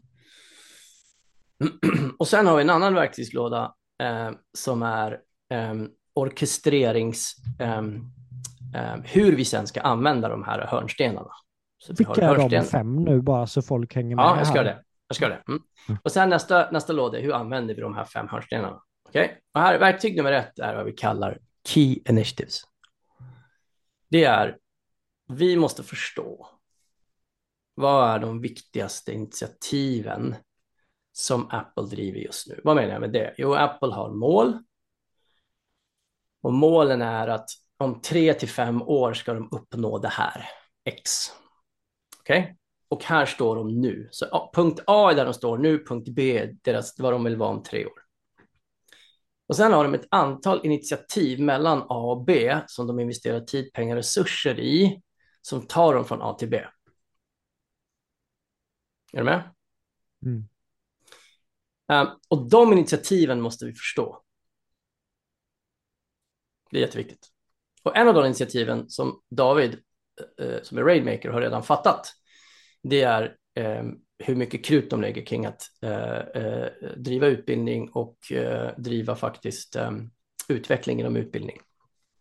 Så det är faktiskt en av deras absolut viktigaste initiativ. Så. Och vi måste jacka in i, så vi måste säkerställa att det vi säljer jackar in i en av deras initiativ. För gör vi inte det så kommer de att lägga tid, pengar och resurser på oss. Okej? Okay? För hade de inte gjort det, då hade vi, som du var inne på innan, behövt diskvalificera Apple. Men nu är David så pass duktig rainmaker så han har fattat direkt att Apple, en av deras viktigaste initiativ är just utbildning och hur de pionjärar utbildning och, och, och just det, så då har han fattat det redan. Så det, det är nummer ett. Okej? Okay? Nummer två, verk, verktyg nummer två, när vi har fattat det, verktyg nummer två är att vi måste förstå ekosystemet. Så vi behöver förstå vilka personer inne på Apple, både hierarkiskt, det vill säga ledningsgrupp ner till de längst ner som, som driver operationella vilka av dem behöver vi påverka? Både de som behöver påverka, som påverkar beslutet direkt, men även de som påverkar beslutet indirekt. Det vill säga, du, vi kanske har någon som är ansvarig för utbildning som är den som tar beslut, men den personen går till någon annan eh, som också behöver vara med i beslutet och ställa frågor. Vad tycker du om det här? Ska vi investera i det här? Ska vi göra det här? Och vi behöver också förstå funktionellt, det vill säga vilka funktioner inne på Apple behöver vi påverka? Är det compliance? Är det sälj? Är det tech? Är det, vilka är det? Så det behöver vi förstå. Och då kommer vi se någonstans att herregud, när vi har mappat det här, så vi kanske trodde att det var tre personer vi skulle tala med, men vi inser att det är 70 personer vi måste någonstans påverka. Antingen i möten eller på ett annat sätt. Om jag som marknadschef ställer en fråga här nu som 21-åring. Mm. Mm. Eh, jag hängde med på det första, vad har Apple som mål? Och vad lägger de tid och resurser på för att nå de målen?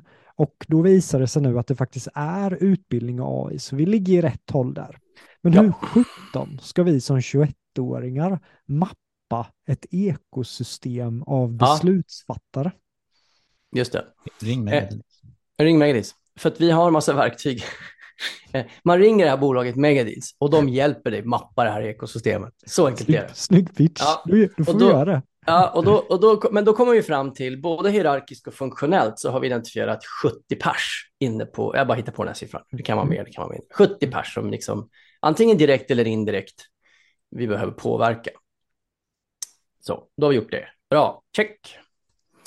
Um, och, och eh, samtidigt så har vi också researchat Apple tillräckligt bra. Så vi liksom inte bara förstår deras key initiatives, vi liksom läst på om deras årsrapporter, vi har läst på om liksom deras eh, generella initiativ, vi har, liksom, vi har, vi har kollat vad, vad är det senaste som händer i pressen, vi har läst deras eh, årsredovisning, vi, har, vi kan bolaget, inte bara ekosystemet, men alltså man kallar det account intelligence. Så att man, har, man, man är, eh, när man tittar på de absolut bästa megadealers, de, de kan sina kunder på liksom molekylär nivå, liksom DNA. Så vi har verkligen, vi har mappat ekosystemet, vi har, vi har all intelligens kring kontot, vi har koll på det. Så. Förut gjorde du det här i, i war rooms, ungefär som när du efter en, en seriemördare, du profilerar personen i, i ett rum. Du vet, du har sett på tv, mm. man sätter lappar den här personen är kopplad till den personen. Så här. Eh, idag gör ju vi det såklart eh, på Megadis i, i våra system, mjukvara och datorer. Förr gjorde man det i i ett rum. Mm. På en vägg. Snyggt. Okej. Okay. Ja. Um, um, så.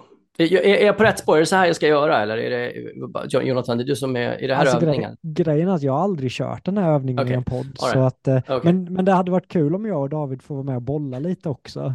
För vi fattar ju ingenting, 21-åringar du vet. Okej, okay, okay, då ställer jag frågan, hur vill ni, hur vill ni att jag ska hur, hjälpa hur ska... er att bolla? Ja, precis. Hur, hur mm. ska vi göra det här då? Samtidigt tickar ju klockan också David, så, mm. eller bara så att det är du, du som är lagkapten. Inom sju minuter ska vi vara klara och vi ska få mm. vara inkluderade. Nu skapar jag lite gummibandseffekter. Mm, jag fattar. Okej, okay, Jonathan. Känner du dig trygg som marknadschef? Att du har förstått, inte hur du ska göra, men vad du ska göra gällande mappa ekosystemet och account intelligence, det vill säga läsa på om kontot och att vi måste säkerställa att vi hierarkiskt och funktionellt har koll på besluts, indirekt, direkt och indirekt beslutsfattare. Eh, har du förstått uppgiften? En helt annan fråga är hur jag ska göra det, men det hinner vi inte gå igenom idag. Mm. Ja, men, eh, på ett ungefär, jag läste en bra bok, Megadeals hette mm. den. Jag, jag vet inte mm. om ni har läst den, men där stod det att eh, när man mappar beslutsfattare så kan man också gå in på LinkedIn och se vilka jobbar på Apple Exakt. med de här befattningarna. Kan vi göra så? Och sen kan vi till exempel lägga till dem som vänner på LinkedIn och posta content om det mm. vi gör, för på det sättet skapa en viss form av, ah, de gör på det här sättet. Är det, är det någonting att gå tillväga med, Bora, tycker du? David, vad tror du?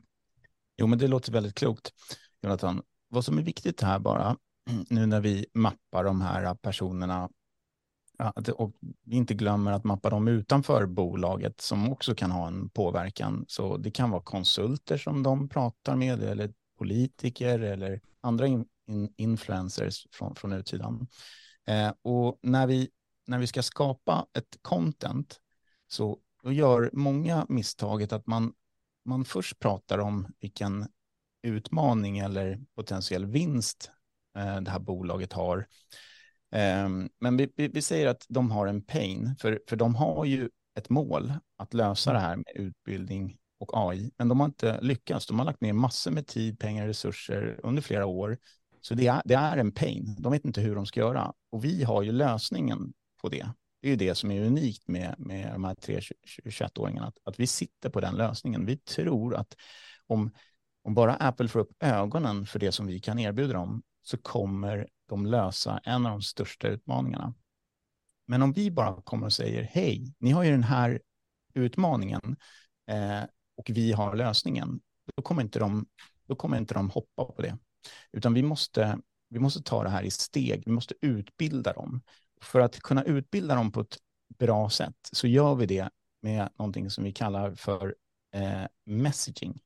Och inom megadisciplinen så finns det fyra stycken olika messaging-typer. Vi ska börja med att fokusera på fundamental messaging, som är ett beslutsträd som vi målar upp för kunden. För det är så deras köpprocess ser ut. Det är så köpresan ser ut eh, när du fattar beslut. För att om du ska ta ett beslut som påverkar hela bolaget, som innebär massa change management, mycket förändring, där ni kommer behöva investera mycket pengar, så måste de som kommer med en lösning i slutändan måla upp utmaningen, de olika alternativa lösningarna, de olika kategorierna av lösningar. Alltså det finns för fördelar, för nackdelar och konsekvenser av de olika besluten. Eh, och sen så positionerar vi oss i slutet av, den olika, alltså av de olika kategorierna, de olika valen vi målar upp. Och sen går vi ner på subkategorinivå och sen kanske även tittar in på saker som hur man gjorde tidigare, hur man gör idag och hur man kommer göra i, i framtiden. Vi kanske tittar på um, dimension, cap capabilities and functionalities. Vi tittar på väldigt många olika delar innan vi går in och pratar om vår produkt och varför de ska välja oss i slutändan. Så vi måste utmana dem, vi måste utbilda dem, kanske till och med måste underhålla dem lite på vägen genom, den här, genom det här beslutsträdet. Just det. Annars bygger vi inte trovärdighet. Lagkapten, håller du koll på tiden nu? Mm. Ja, jag delegerar tidskollen till marknadschefen. Okej. Okay. Får, man, får man göra det? Ja. ja, då bör vi speeda upp här. Okej, okay. så, så vi... vad ni faktiskt är inne på är briljant, för det här är segway in i nästa. Det första var Key Initiatives, som vi pratade om. Det andra var mappa, alltså Account Intelligence och mappa ekosystem. Eh, och det tredje är faktiskt hur vi kommunicerar eh, eh, budskap. Eh, och det första komponenten... Bygger konsensus. Eh, bygger konsensus, exakt. Hur, hur, vi driver konsensus i det här ekosystemet. Um, för, för, att nu, vi, nu vet vi vilka det är, vi har koll på kontot, um, men nu måste vi på något sätt påverka alla de här 70 personerna och kanske även vissa utanför då. Så hur gör vi det? Och det är omöjligt att göra. Eh, dessutom försöker vi bygga en, en ny kategori. Och, och att bygga en ny kategori som inte Apple ens känner till i mänsklig kraft är ju nästan intill omöjligt. Så att nu måste vi ta David som är the Rainmaker och så måste vi skala David. Vi måste bygga en Iron Man-dräkt runt David som skalar honom, som hjälper att påverka de här personerna runt om i ekosystemet. Och det gör vi genom att ta fram rätt budskap som David beskrev, fundamental messaging. Vi, vi gör det genom nummer två, att säkerställa att vi har de rätta content som bygger på det budskapet vi har tagit fram, som, som får fram vår, mest, vår kategori och positionerar vår kategori, positionerar bort andra kategorier med rätt budskap. Annonser, videofilmer och så vidare. Och det sista är att vi behöver använda tekniker som får ut de här annonserna, får ut de här videofilmerna till de här personerna i det här ekosystemet. Så när de går in, eh, eh, och det här Jonathan kommer du behöva göra som hjälpa till som marknadschef, så när de går in på di.se, när de går in på Instagram, när de går in på Facebook, när de går in på LinkedIn, så börjar de se Davids ansikte framför allt som är säljaren eh, och budskapet som trycker både på problemen men också positionerar den här nya kategorin. Varför vill vi det? Vi vill att de här personerna, 70 personer, börjar bli nyfikna. De blir så nyfikna så de börjar att båda veta vilka vi är, vi är ett nytt bolag, de känner inte till oss, de vet vilket budskap vi kommer med och de börjar lära känna David. Och gör vi det tillräckligt länge så kommer vi att enable deal orchestration. Det vill säga att de kommer börja känna igen oss, de kommer bli varma och de kommer vara intresserade. Vi kommer skapa den här hooken du pratar om, Jonathan. mm. um, så. Um, och, um, Lite som att, eh, förlåt bara, men tänk dig som att du samlar röster i ett stort eh, ekosystem. Så när, om du ska vinna valet, då måste du vinna röster. Du måste få mer väljare.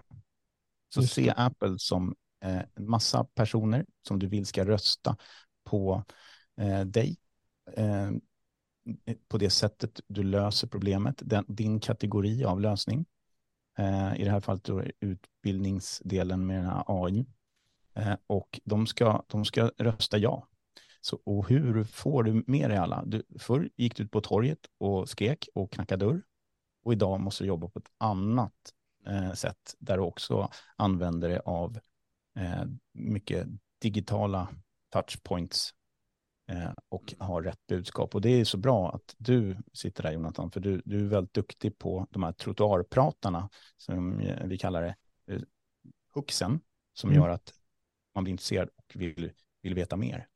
Och, och, och, läsa mer på djupet. Exakt. Så vad, vad du kommer få göra, Jonathan, du kommer säkerställa att vi riktar rätt budskap, hyper-targeted media, till rätt personer som vi har mappat så att de börjar att be aware och de börjar engagera sig. Då kommer du, du kommer enabla dealorkestreringen. Sen går det faktiskt över till David som måste exekvera på dealorkestreringen. Och det är det du pratar om LinkedIn. Och där, förutom att David använder sin erfarenhet kring hur han orkestrerar dialoger, diskussioner och ha möten och förhandlingar, det klassiska, så använder han, precis som du är inne på, även team-based enterprise social selling eller enterprise team-based social selling. Så att han använder LinkedIn, vi har inte tid att gå in på hur man gör det, men han använder LinkedIn genom att både connecta med de här personerna, eh, skick, eh, eh, närma sig de personerna eh, och, och, och, få till eh, eh, möten eh, med, med de här personerna som är redan enabled. Och det är en hel science att prata om det. Och det är David. Du måste, du måste se till att vi har hypertargeted ad, media som target dem. Och David måste se till eh, att han använder en mix av möten med team-based social selling för att eh, komma åt de här personerna. Och då är de redan, då vet de vilka vi är, de har sett våra grejer, de har koll på David för de ser hans, hans nylle hela tiden. Är du med? Ja. Sen har vi två grejer kvar i verktygslådan. Vi har genom tre fort. Det ena är trojanska hästar. Um, och där behöver David säkerställa att han har ett antal personer identifierat av de här 70 som kommer att mata honom med massa nyttig information som han inte får de vanliga vägarna. Så att när han inte riktigt vet var affären är på väg, då ringer han den här personen och de ger honom massa insights. David, du måste prata med Sara för hon är inte helt ombord. Här har du de viktigaste målen som inte har blivit publicerade än, som du behöver tänka på. Bla, bla, bla, bla, bla. Och det sista han behöver göra, som är otroligt viktigt, det är riskmitigera. Det är den sista verktygen i verktygslådan. Han, I och med att vi är ett okänt bolag, vi bygger en ny kategori, Apple känner inte till oss, känner inte till kategorin, så går alla riskklockor igång. Um, och hur än mycket de tycker att vi har världens bästa produkt och världens bästa kategori så kommer det vara många som tycker, oh, det där vågar vi inte ge oss på, vi vill inte vara först ut.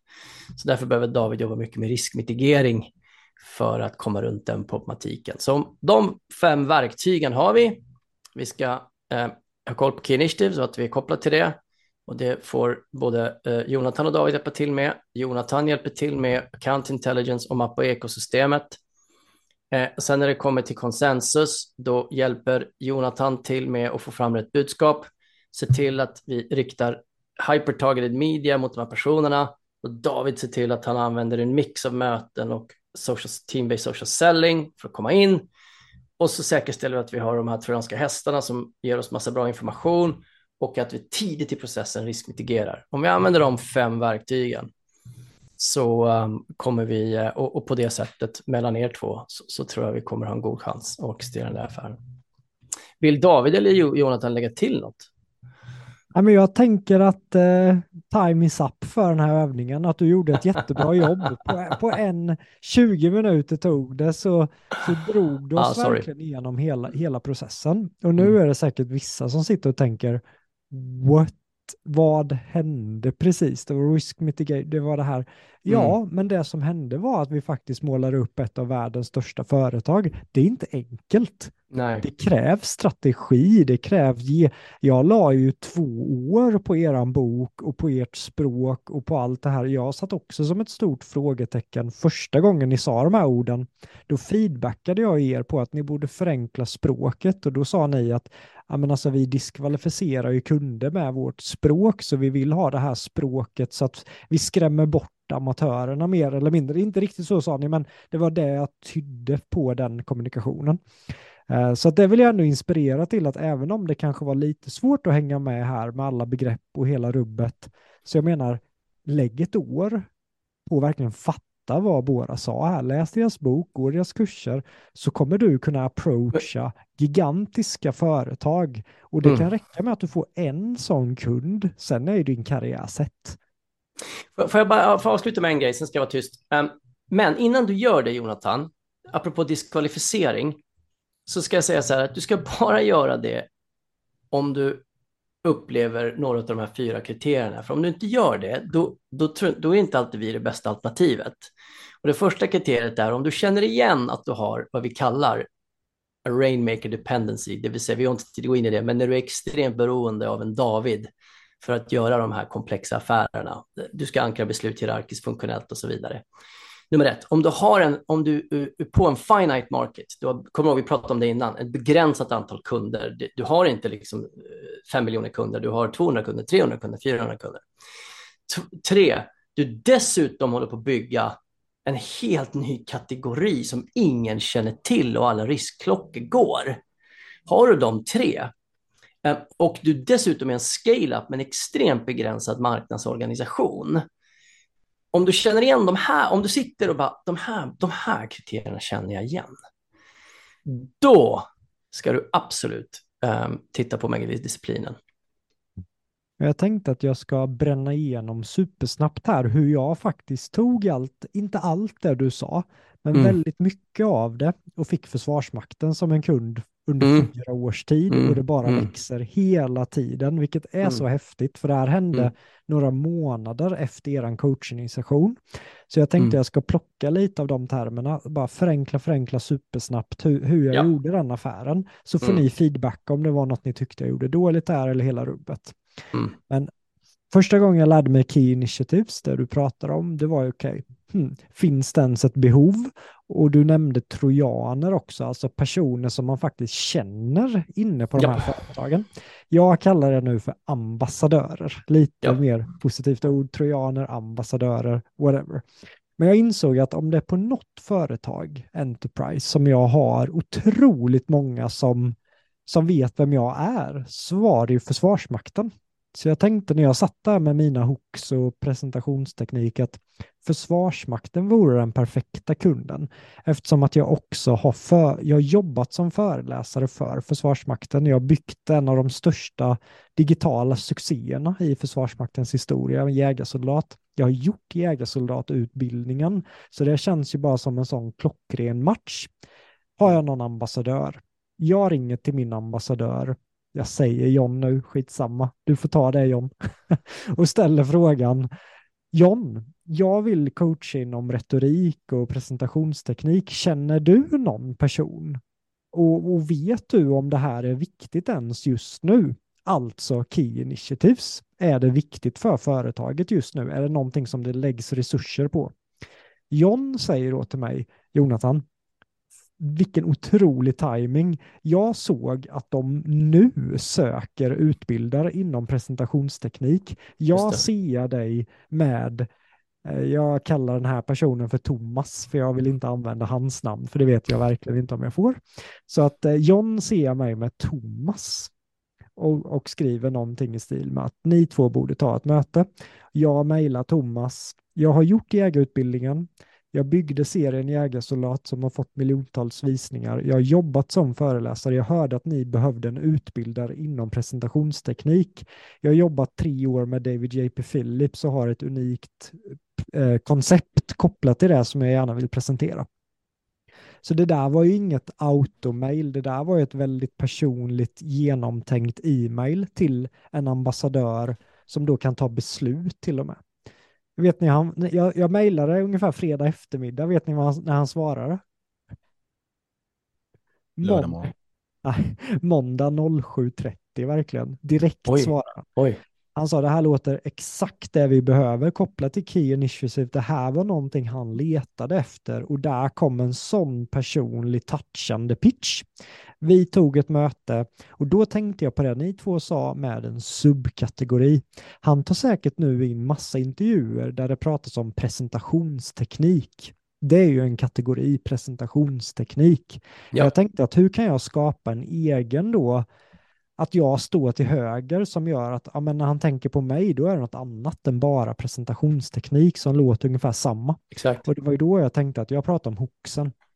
Jag sa Thomas, hooksen, alltså presentationsteknik, det kommer inte påverka så mycket hur de står med kroppen och det här och ögonen som, som de flesta, men, men med hooksen, tänk du kunna lägga en resultathook, att varje informatör kan lägga en resultathook och på en minut sitter klassen bara blixtrande fokus. De kommer fast att få byggklossar med hooksen, hur de håller intresset uppe. Så jag pratar om hooksen hela tiden under det här mötet och det gick han igång på.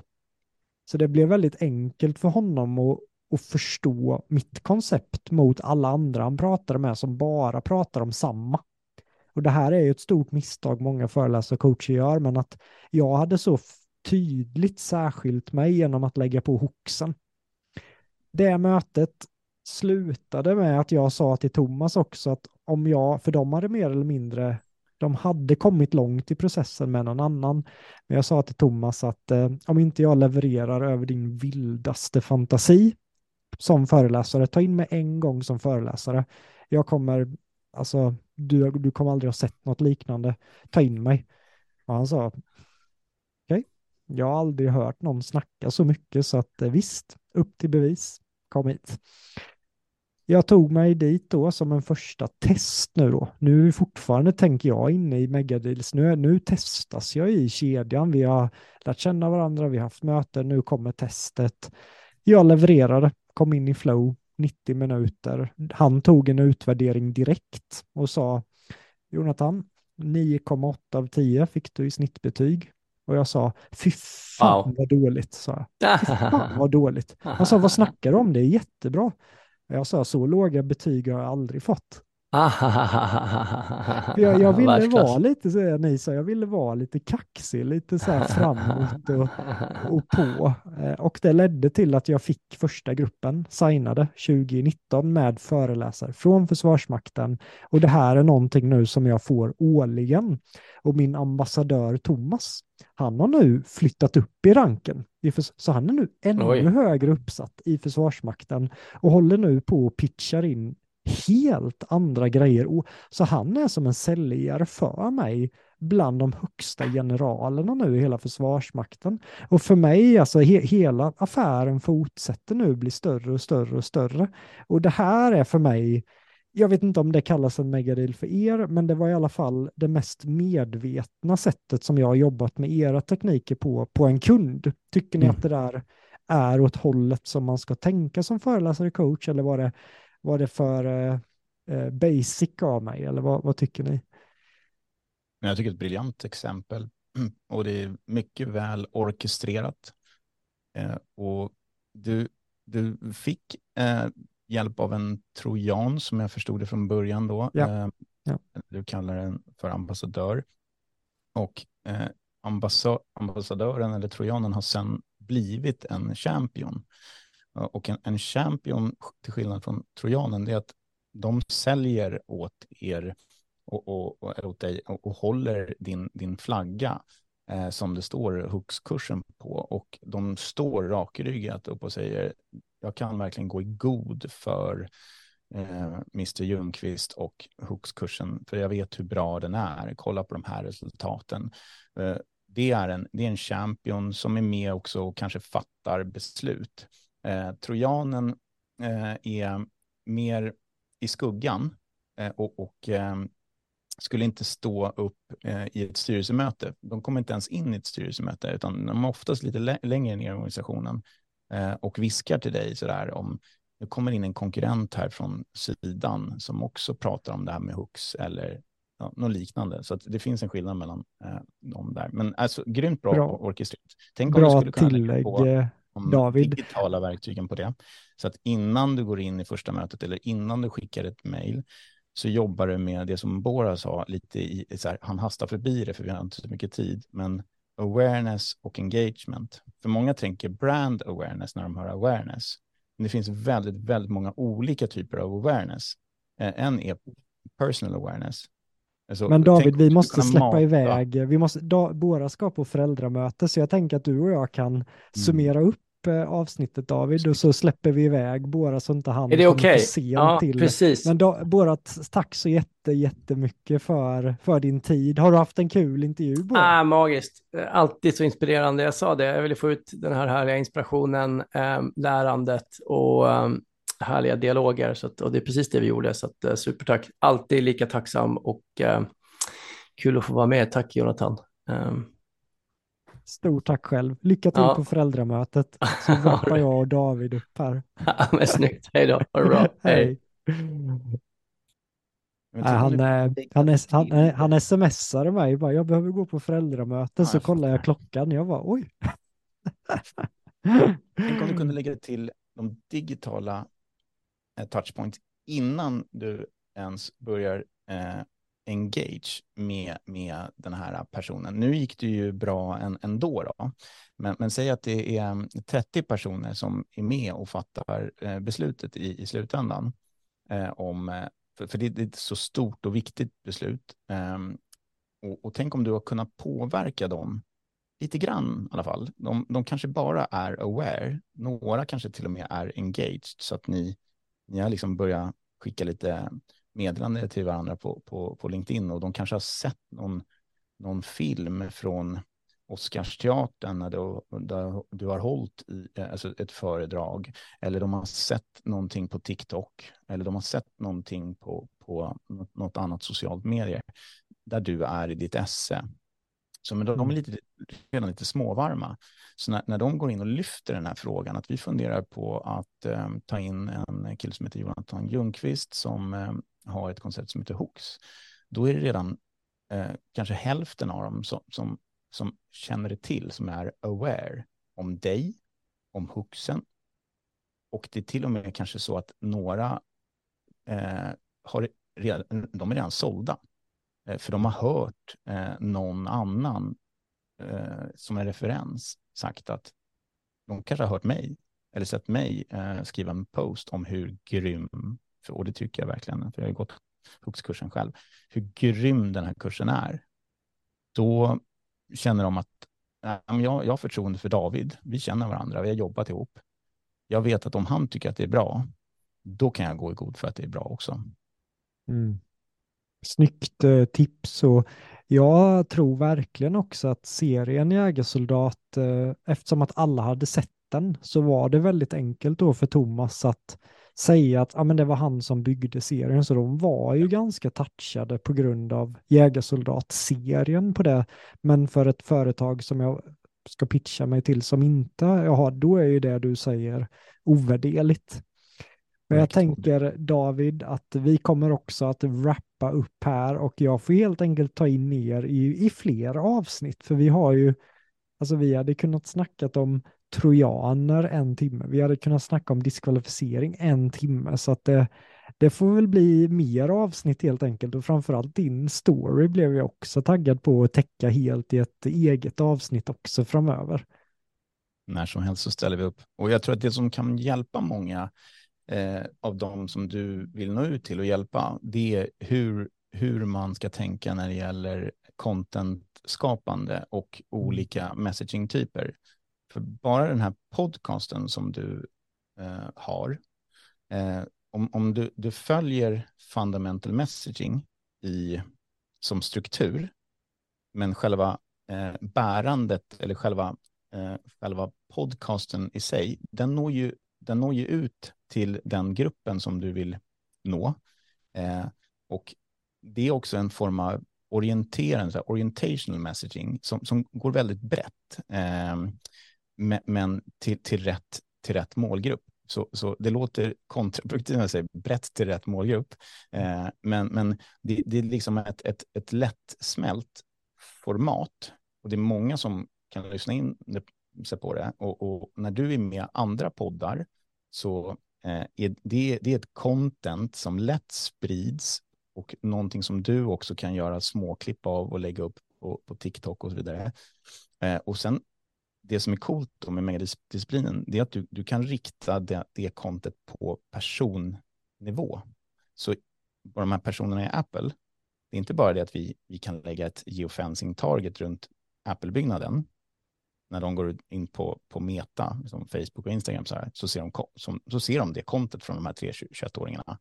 Utan det är också så att vi kan skjuta med med pilbåge eh, och pil på specifika personer inne på det kontot. Så, det, så kirurgiska är vi i våra taktiker. Det kan du suga lite på. Helt otroligt alltså.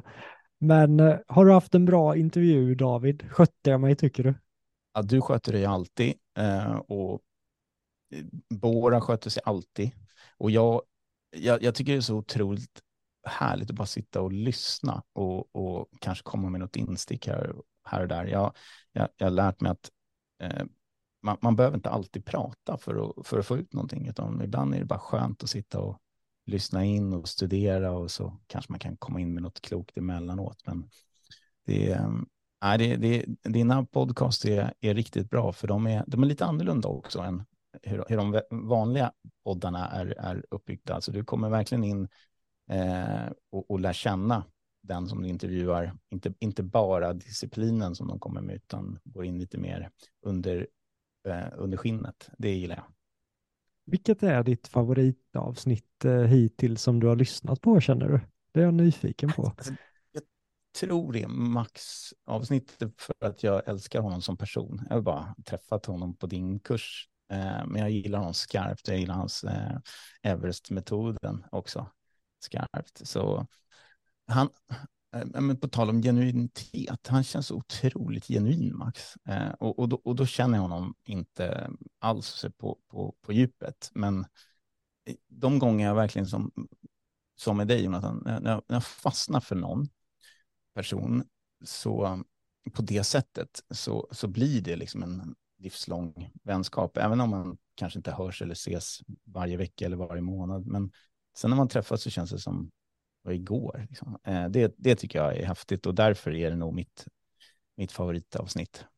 Eh, så det, jag älskar många det. gånger blir, blir det så eh, artificiellt. Mm. Alltså det, det, de, och det, och det, den, även de bästa i världen på podcast och så där, de, de, de kör enligt ett visst förutbestämt manus eh, och de säger samma saker i podd efter podd.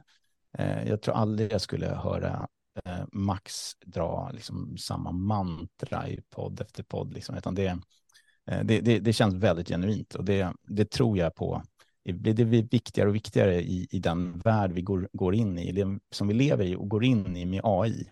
Där det är så lätt mm. att skapa så här generiskt eh, content.